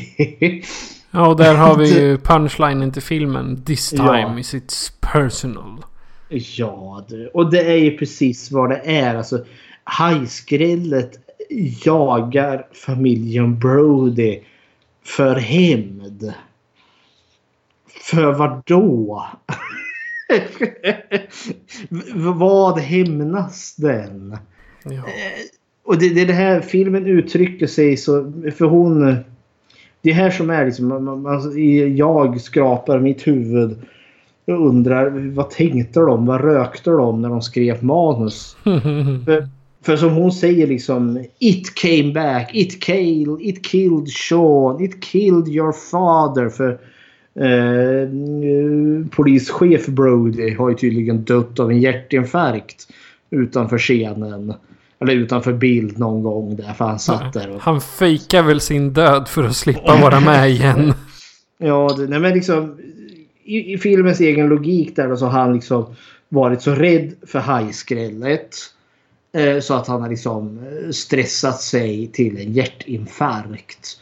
Och det kan man väl tycka är rena första logiska tanken som dyker upp. Där. Ja, han kan inte få frid på grund av hajattackerna i film 1 och film 2. Ja, det är kanske är dags att flytta. Flytta till någon stad mitt i Amerika. Texas kanske. Det är mycket öken där. Det finns det ingen risk att det dyker upp en haj. Nej, vi åker till Bahamas. ja, men det är också... Ja, och det är ju också till och med efter att hon Brody, fru Brody har fått för sig hajskrället efter oss. Den jagar oss. Så vad gör vi? Ja, vi flyttar från en ö till en annan kustö. Vi bosätter oss vid en strand. Det låter ju praktiskt. För det känns liksom... Om mördaren som är ute efter din familj är lite begränsad utifrån den miljö mördaren lever i. Exempelvis om mördaren råkar vara en haj. Eh, som då inte riktigt kan gå på land eller flyga. Ja, ge fan i vattnet så hade vi, har vi ju löst det problemet. Så får väl hajen simma omkring där och se sur ut. och inte kunna göra mycket åt saken. Men det är lika som hon uttrycker sig. It killed Sean. It killed your father. Och då undrar jag. Vill hon mena att... Vi, försöker filmen mena att det här är samma haj som i första filmen? Det är ju inte riktigt möjligt för den spränger han ju åt helsike. Jag gör ju det. Men jag tänker också när vi väl får se hajen. Den, har ju, den här hajen har ju uppenbart mycket mer R i ansiktet. Nu, nu ger de eh, ingen förklaring till det utan det kan ju vara eh, hajar brukar vara ärrade har jag sett i naturdokumentärer. Så om de ville ha någon mer autentisk look eller försöker de slå sig i att den där eh, gastuben som exploderade i trynet på hajen. Var, skadan var inte så farlig ändå den repade på sig och kom tillbaka. för, för den här... Nej, jag, jag skulle inte bli förvånad eh, om de tänkte så. Men ja, kära värld. Eh, ja, hajeländet jagar folk. Eh, specifikt familjen Brody. Eh, och här har vi lite problemet dels är det för lite high action och när high action väl är då är det, ingen, ja, då är det inte spännande. Och sen hela berättelsen runt omkring är helt jävla ja, ologisk. Det är ing ingenting som stämmer. Ingenting som stämmer och det är ingenting som intresserar heller. För det, det, här, det här blir som plot hole the movie. För, för Michael här har nu gått och blivit marinbiolog.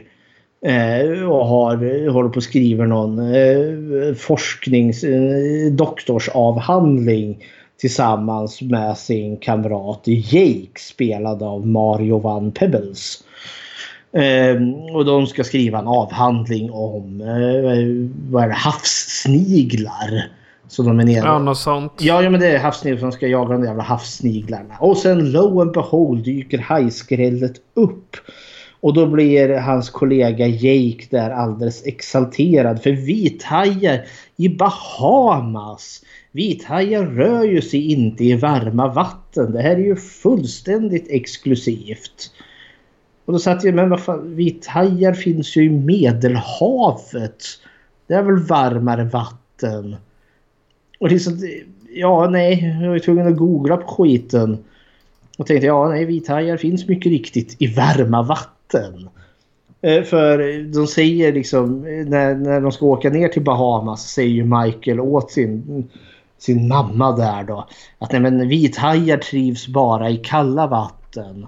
Så det är ingen risk att den finns i i, eh, i Bahamas. Och då kommer jag ihåg... Så de hade, alltså, de hade alltså inte gjort någon research på det utan En- de bara tog något ur luften? Ja, och bevisligen har de inte sett de egna filmerna. För i första filmen så är Matt Hooper, eh, hajexperten där.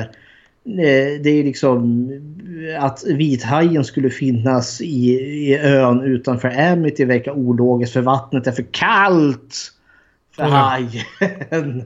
Och i fjärde filmen så är vattnet är för varmt. ja, men då i fjärde filmen då gillar de kallt och inte varmt. Och det, Ja, de kanske har ändrat sig för det har gått nästan, ja det har gått 12 år emellan. Så jag Ja. menar, eh, det... Alla, allt ändras ju. Jag Mhm. menar, det är kanske inne att gilla varmt vatten. Visst. Ja, men det är där filmen ger känslan över att den här är skriven av folk som bara har tagit någonting rakt ut ur trollkarlshatten. Liksom, nu har vi hittat på någonting. Och plotten är dum. Överlag.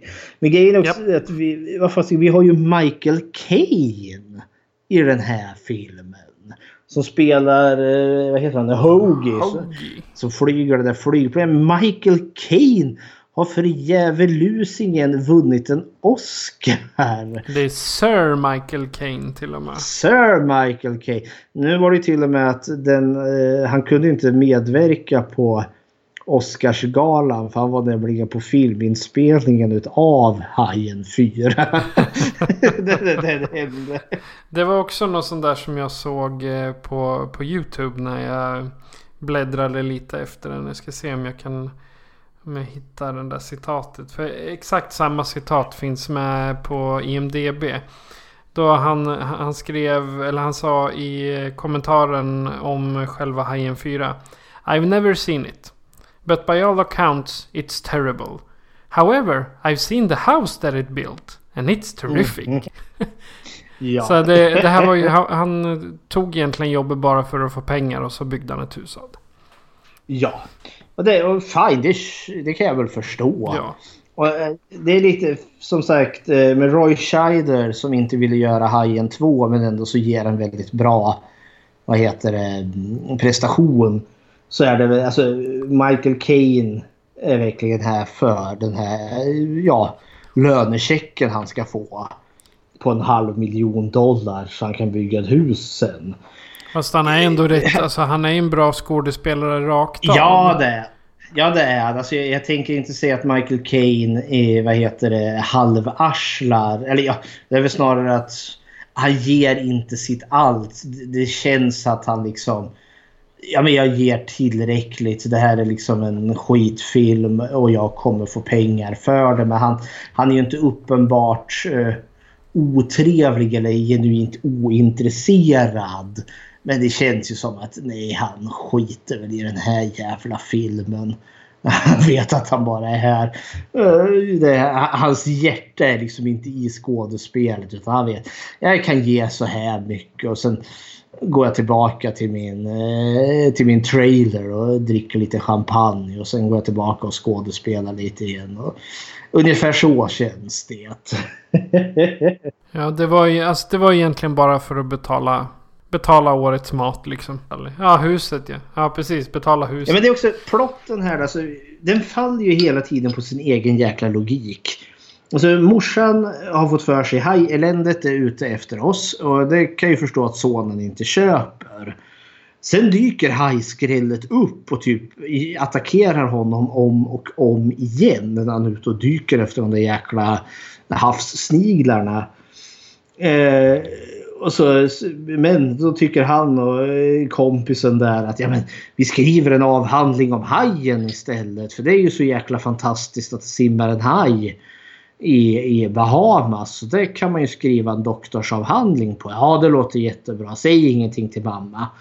Eh, och säg ingenting till min fru och säg ingenting till min dotter. Nu när vi kanske börjar få bevis på att min tokiga mamma kanske inte alls är tokig utan att vi har en mordisk haj som tänker mörda mina familjemedlemmar. För det är ju precis det som händer sen för hajskrället ger ju sig efter hans dotter vid ett tillfälle där. Eh, och det är inte först då han ja, men det kanske är lite problematiskt. eh, att ha mina familjemedlemmar i vatten när det finns en haj som jagar efter dem som en målsökande missil. Ja. Och hur vet, hur vet hajen vart de är? Klart. men Bruce vet ju vart alla är. Ja men det är också stället för fan. De lämnar Emmet och sätter sitt flygplan, flyger ner, landar i Bahamas och hajfan är redan där. Ja, de flyger ju i stort sett till andra sidan jorden höll jag på att säga. Ja. Men de flyger långt bort. Ja. ja men, fi filmen är knökfull utav de här. Och det, det blir ju inte bättre närmare slutet. För slutet är ju liksom det mest hysteriska i den här dumma jävla filmen. Det är ju- De halvarslar fram någonting. De, vad vad skrev jag här nu? De, de, de har ett stroboskop. Eh, som de ska få. Ja, hajfan sväljer en stroblampa. Så att de kan ge den en stöt. Eh, så att den hoppar upp ur vattnet. Och när den gör det. Då ryter hajen. Hajen skriker. det är så dumt så klockorna stannar. Fan, hajar har inga stämband. De har inte kapacitet till att skrika. Men hajen skriker. Och så slutet när de dödar hajeländet. För de får det, de strobar hajfan. Så att den hoppar upp och ner, upp och ner. Samtidigt styr de en båt och så ska rammar de den med, med båtmasten. Och när de gör det då exploderar hajen i tusen små bitar. Man får se liksom masten precis liksom sticka in i skinnet och hajen exploderar. Jag har ingen aning om att hajar liksom var högexplosiva. Det, räcker liksom att sticka ett hål i sidan på dem så pyser de iväg som en ballong som har fått pyspunkter. Något sånt där. Där finns det en förklaring visar det sig. Har du koll på För det här är inte originalslutet. Det fick de klippa om.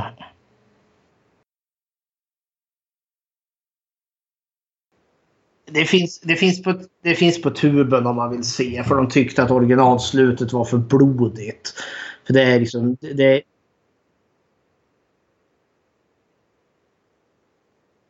Ja, det är med den exploderande hajen istället. För det, grejen är ju som att eh, de spetsar hajen. Så att masten går liksom in i ena sidan på hajen och kommer ut på den andra. Och så liksom hostar den blod och sen eh, så att blodet väller upp i munnen på den. Och sen går masten av och så eh, sjunker den ner död till botten. Eh, och det tyckte då producenten, det är för blodigt så det får ni ta bort. Så då ersatte man med att om du sticker ett hål i sidan på hajen då exploderar den som hade svalt 100 kilo dynamit. Finns ingen logik. Nej, jag tycker inte det finns så mycket logik i Hajen 4 Nej. alls. För jag, jag såg den på tvn och det var en sån här film som man har extremt svårt att fokusera på. För man... Liksom jag, jag satt mer och kollade på mobilen än vad jag gjorde och kollade på tvn.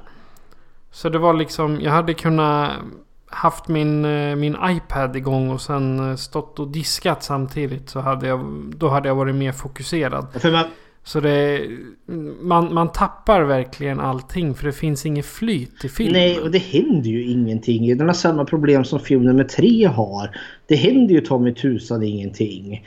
Hajen gör misslyckade attacker gång vartannat. Eh, och vi får inga spektakulära hajattacker heller. Den enda vi får det är den här kvinnan som hajen tar på den här bananbåten. Det är det enda som är någorlunda effektivt. När han försöker ta eh, eh vad heter det, Brodys dotter där. Men missar och tar kvinnan som sitter bakom. Eh, mer sånt tack. Eh, men nu har vi liksom inte det. Den här har ju minst antal döda. Jag tror det är bara två stycken som stryker med i hela den här filmen då, inklusive hajen då. Eh, Nej, det är så att om den här filmen går på och sen går jag ut och liksom brer mig en macka eller sätter mig på toaletten en liten stund och så går jag tillbaka så har jag inte missat något. För det händer liksom inget. Jag vet inte. Det jag hörde, eller det jag hörde, det jag, när jag kollade lite på den här så såg jag också att eh, Bruce, mm. The Rubber Shark, han fick eh, pris för, eller om han vart nominerad till sämsta skådespelare. Och den här fick ju så kallade Razzies. Razzie Award. Ja. ja, precis. Han, jag vet inte om han var nominerad eller om han, om han fick den där. Han fick... Eh, han var nomine nominerad för eh, Golden Raspberry mm. Award för värsta skådespelare. Och det är det första djuret som blir nominerat. Första mekaniska djuret till och med.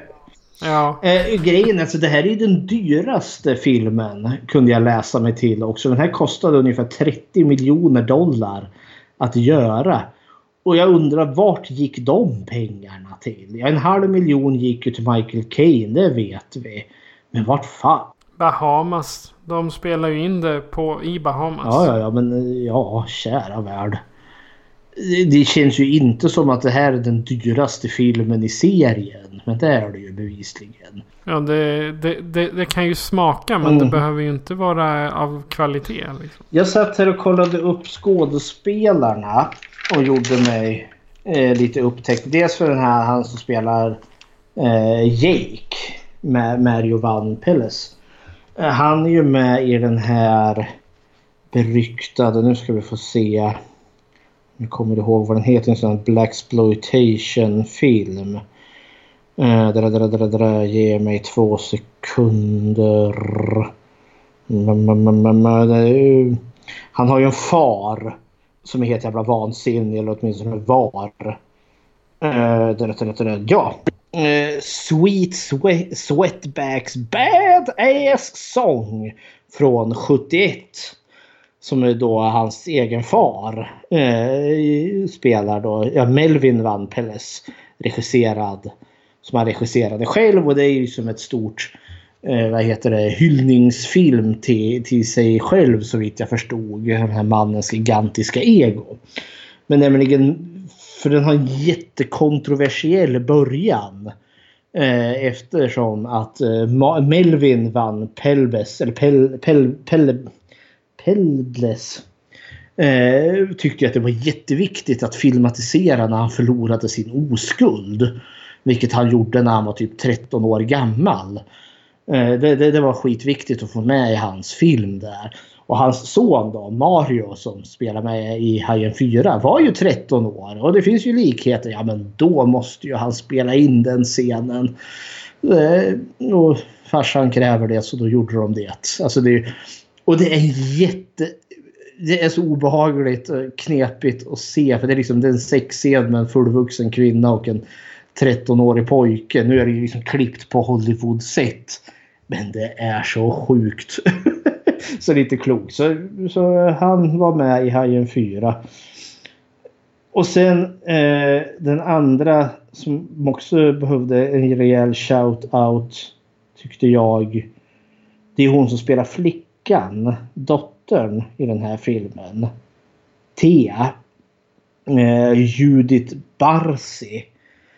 Eh, vilket var en väldigt bra barnskådespelerska. Eh, har du sett den här tecknade filmen Landet för länge sedan? Oj, det var länge sedan. Med dinosaurierna där, Lillefot och... Eh, ja, jag, det såg jag säkert när jag var liten. Ja, jag växte, lite, jag växte lite upp med den filmen. Det var liksom eh, min och syskonens barndomsfilm. Och där finns det ju en liten sån här grön dinosaurie. Eh, som är jättesnäll. Eh, men pratar liksom nästan. Och det visade sig att det var ju hon, Judith Barsi. Som då gjorde rösten i den amerikanska originalvariationen. Men, hon eh, vart inte så gammal. Nej, hon vart ju inte det. För Hajen 4 är ju hennes sista film. Och där satte den här dåliga filmen i Ja, den gjorde den lite... Då kom liksom allvaret in. För hon blir ju bara tio år gammal. Eh, för hon blir ju mördad 88. Den här Ja, filmen... hela, hela familjen Ja. vart ju innebränd. Nej, de vart skjutna. Eh, hen... Ja, skjutna och brända. Ja, skjutna och brända. Hennes pappa var vansinnig och mördade hela familjen och tog sitt eget liv. Då. Men innan han gjorde det så brände han, eh, tände han en eld på huset. Så det vart, då vart filmen plötsligt liksom obehaglig och lite sorglig när jag såg den här flickan. Jag tänkte liksom att ja, du stackars flicka. Snart så Ja, hon hann under de tio åren hann hon göra 72 tv-reklamer. Mhm. Eh, sen är hon en av rösterna i Änglahund också. Ah, Eh, Anne-Marie mhm. är det hon Och- som gör. Ja, är det den här All Dogs Goes to Heaven? Ja, jag tror att den heter så på engelska. Jag hade Ja. bara... Jo, All Dogs Go to Heaven. Ja. Så ja, det kändes ju... Det hade jag inte koll på så då vart då vart det liksom en somber ton här. Men eh, jag upptäckte... Alltså om man tycker att själva grundidén till Hajen 4 är dum så var det ingenting om vad själva grundmanuset var. För, det var, för de har tagit bort en massa som inte kom med. Som jag tänkte, ja, men jag hade nog... Skulle ändå så göra en skitfilm så varför inte ta i för kung och fosterland. Tydligen skulle det finnas en gangster. En gangsterboss på den här ön. Ja, men seriöst. Som den här Ellen Brody då. Han försöker skärma upp henne där. Mhm. Men så ger honom, hon honom nobben då. Och sen blir han uppäten av hajen i filmens slut. Eh, men det kommer en... eh, I originalmanus fanns det tydligen en annorlunda förklaring till varför hajen är efter just familjen Brody. För i filmen så är det ju mest som att hajen söker hämnd för den är bitter på dem av okänd anledning. Men i originalmanus var det nämligen en ondskefull voodoo-präst som då kunde kontrollera hajen. Eh, så att det var inte som så att hajen jagade familjen Brody utav sig själv utan var styrd utav en ondskefull voodoo-präst. Och det skulle också ha funnits en scen där då, då voodoo-prästen hypnotiserar hon den här flickan Thea och ska få henne att gå ut på en brygga där då där hajen liksom sitter i bryggans slut och ska få henne liksom att kliva över bryggkanten och så ska väl någon utav eh, ska väl pappa Brody där springa och avstyra dig i sista sekund. Så det fanns med liksom i originalmanus men som man strök sen. Ja, alltså egentligen hade det hade varit roligare att ha med det. Det hade gjort eh, liksom hela, hela filmen så absurd att den är bra. Ja, Men du hade gör en komedi av det här då istället. Exakt. Eh, Så ja, hepp. Det, ja, det, jag upptäckte här också det som känns så slarvigt. För det känns det här slutet som de klippte om. Hajen som exploderar när du eh, rammar den med båten. Då har de ju klippt in en jäkla massa klipp ifrån första filmen. Och till och med när hajen eh, signar död ner efter att den har exploderat. Det är ju exakt samma klipp från första filmen. Så då känns den liksom inte bara dålig, den känns billig också. Och det vet vi att den inte är för det är den dyraste filmen i hela serien. ja, Ja du. nej du, det här var var hajen tog vägen från toppen eh, till botten. Får man väl kalla det. Det, är- det är då man säger så här. The botten is nådd. det botten is nådd utan allt tvivel. Okej, hur ligger det till med Bechdel-testet på Ja. Hajen 4? Ja men den klarar sig väl. Vi har många kvinnliga karaktärer här. Vi har ju Ellen Brody är ju tillbaka. Eh, och så har vi dottern Thea. Eh, och så har vi ju då eh, Michaels fru då, som heter eh, Car- Caroline Brody. Det är inte samma tjej från film nummer tre tydligen. För det måste ha gått ifrån varandra. Så, och det finns flera scener där de här tjejerna liksom träffar varandra och pratar ditt och datt och de går ju på den här eh, Junkano-festivalen och har trevligt. Så eh, Hajen 4 klarar Bechteltestet med bravur.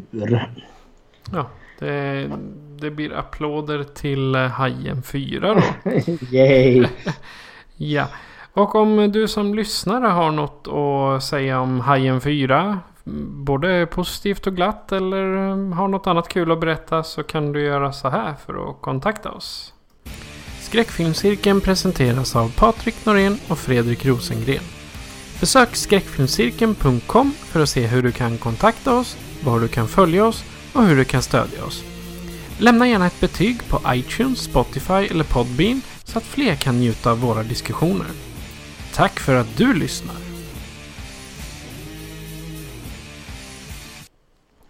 Och Fredrik, nästa avsnitt blir en liten matiné. Ja, ett litet miniavsnitt. Eh, för som man vet, eh, det kommer jättemånga så efterapare till Hajen. Det blir ju i regel alltid så när en stor film dyker upp. Eh, då kommer det kopior. Men den här kopian Eh, är ganska, åtminstone för mig, notorisk. För det är liksom inte bara en eh, rip-off utan det är ju till och med den femte filmen i Hajen-serien. Jaws 5. Eller Cruel Jaws som den heter. Gjord av Bruno Mattei 1995. Som inte har någon som helst jävla koppling till Hajen-filmerna utan är bara ett fantastiskt rip-off utan dess like. Så... Den är ju värd att leta upp. Jag försökte hitta på YouTube här men det verkar inte vara... Jo då, den det... finns på YouTube. Den finns på YouTube, okej. Okay. Cruel Jaws alltså. Jajamensan. Okej, okay, nu, nu hajar vi i alla fall om de fyra originalfilmerna av Hajen. Om man skulle se till hela franchisen, vad har du för eh, sista kommentarer? Nej, det är väl fascinerande hur fantastiskt ja, men, resan vi kan gå från toppen till botten. Första filmen är liksom ett genuint mästerverk. Och sista officiella filmen, fyran, är ett skrattretande dålig. Eh, så eh, ja, det är fascinerande. Men eh, det förtar ju inte effekten utav första filmen. Den kan man återvända om och om och om igen till för. Uppföljarna, nej. Då har vi pratat färdigt om de första fyra, eller om andra till fjärde Hajen-filmen. Mm -hmm. För nu, nu, nu har jag så mycket haj på huvudet att eh, jag börjar tänka Jag börjar tänka på fisk. Jag börjar tänka på haj. Och det hajar mm jag. Så nu ska vi sluta skämta om det. Eh, vi har väl bara kvar att säga att eh, jag heter Patrik. Och jag heter Fredrik. Du har lyssnat på Skräckfilmscirkeln. Adjö på er. Adjö, adjö.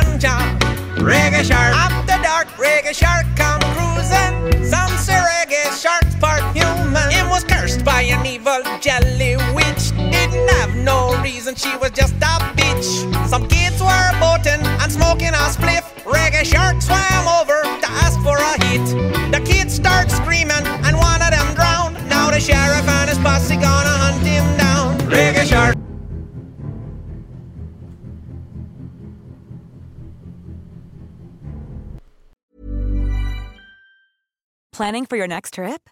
Elevate your travel style with Quince. Quince has all the jet setting essentials you'll want for your next getaway, like European linen, premium luggage options, buttery soft Italian leather bags, and so much more. And is all priced at 50 to 80% less than similar brands.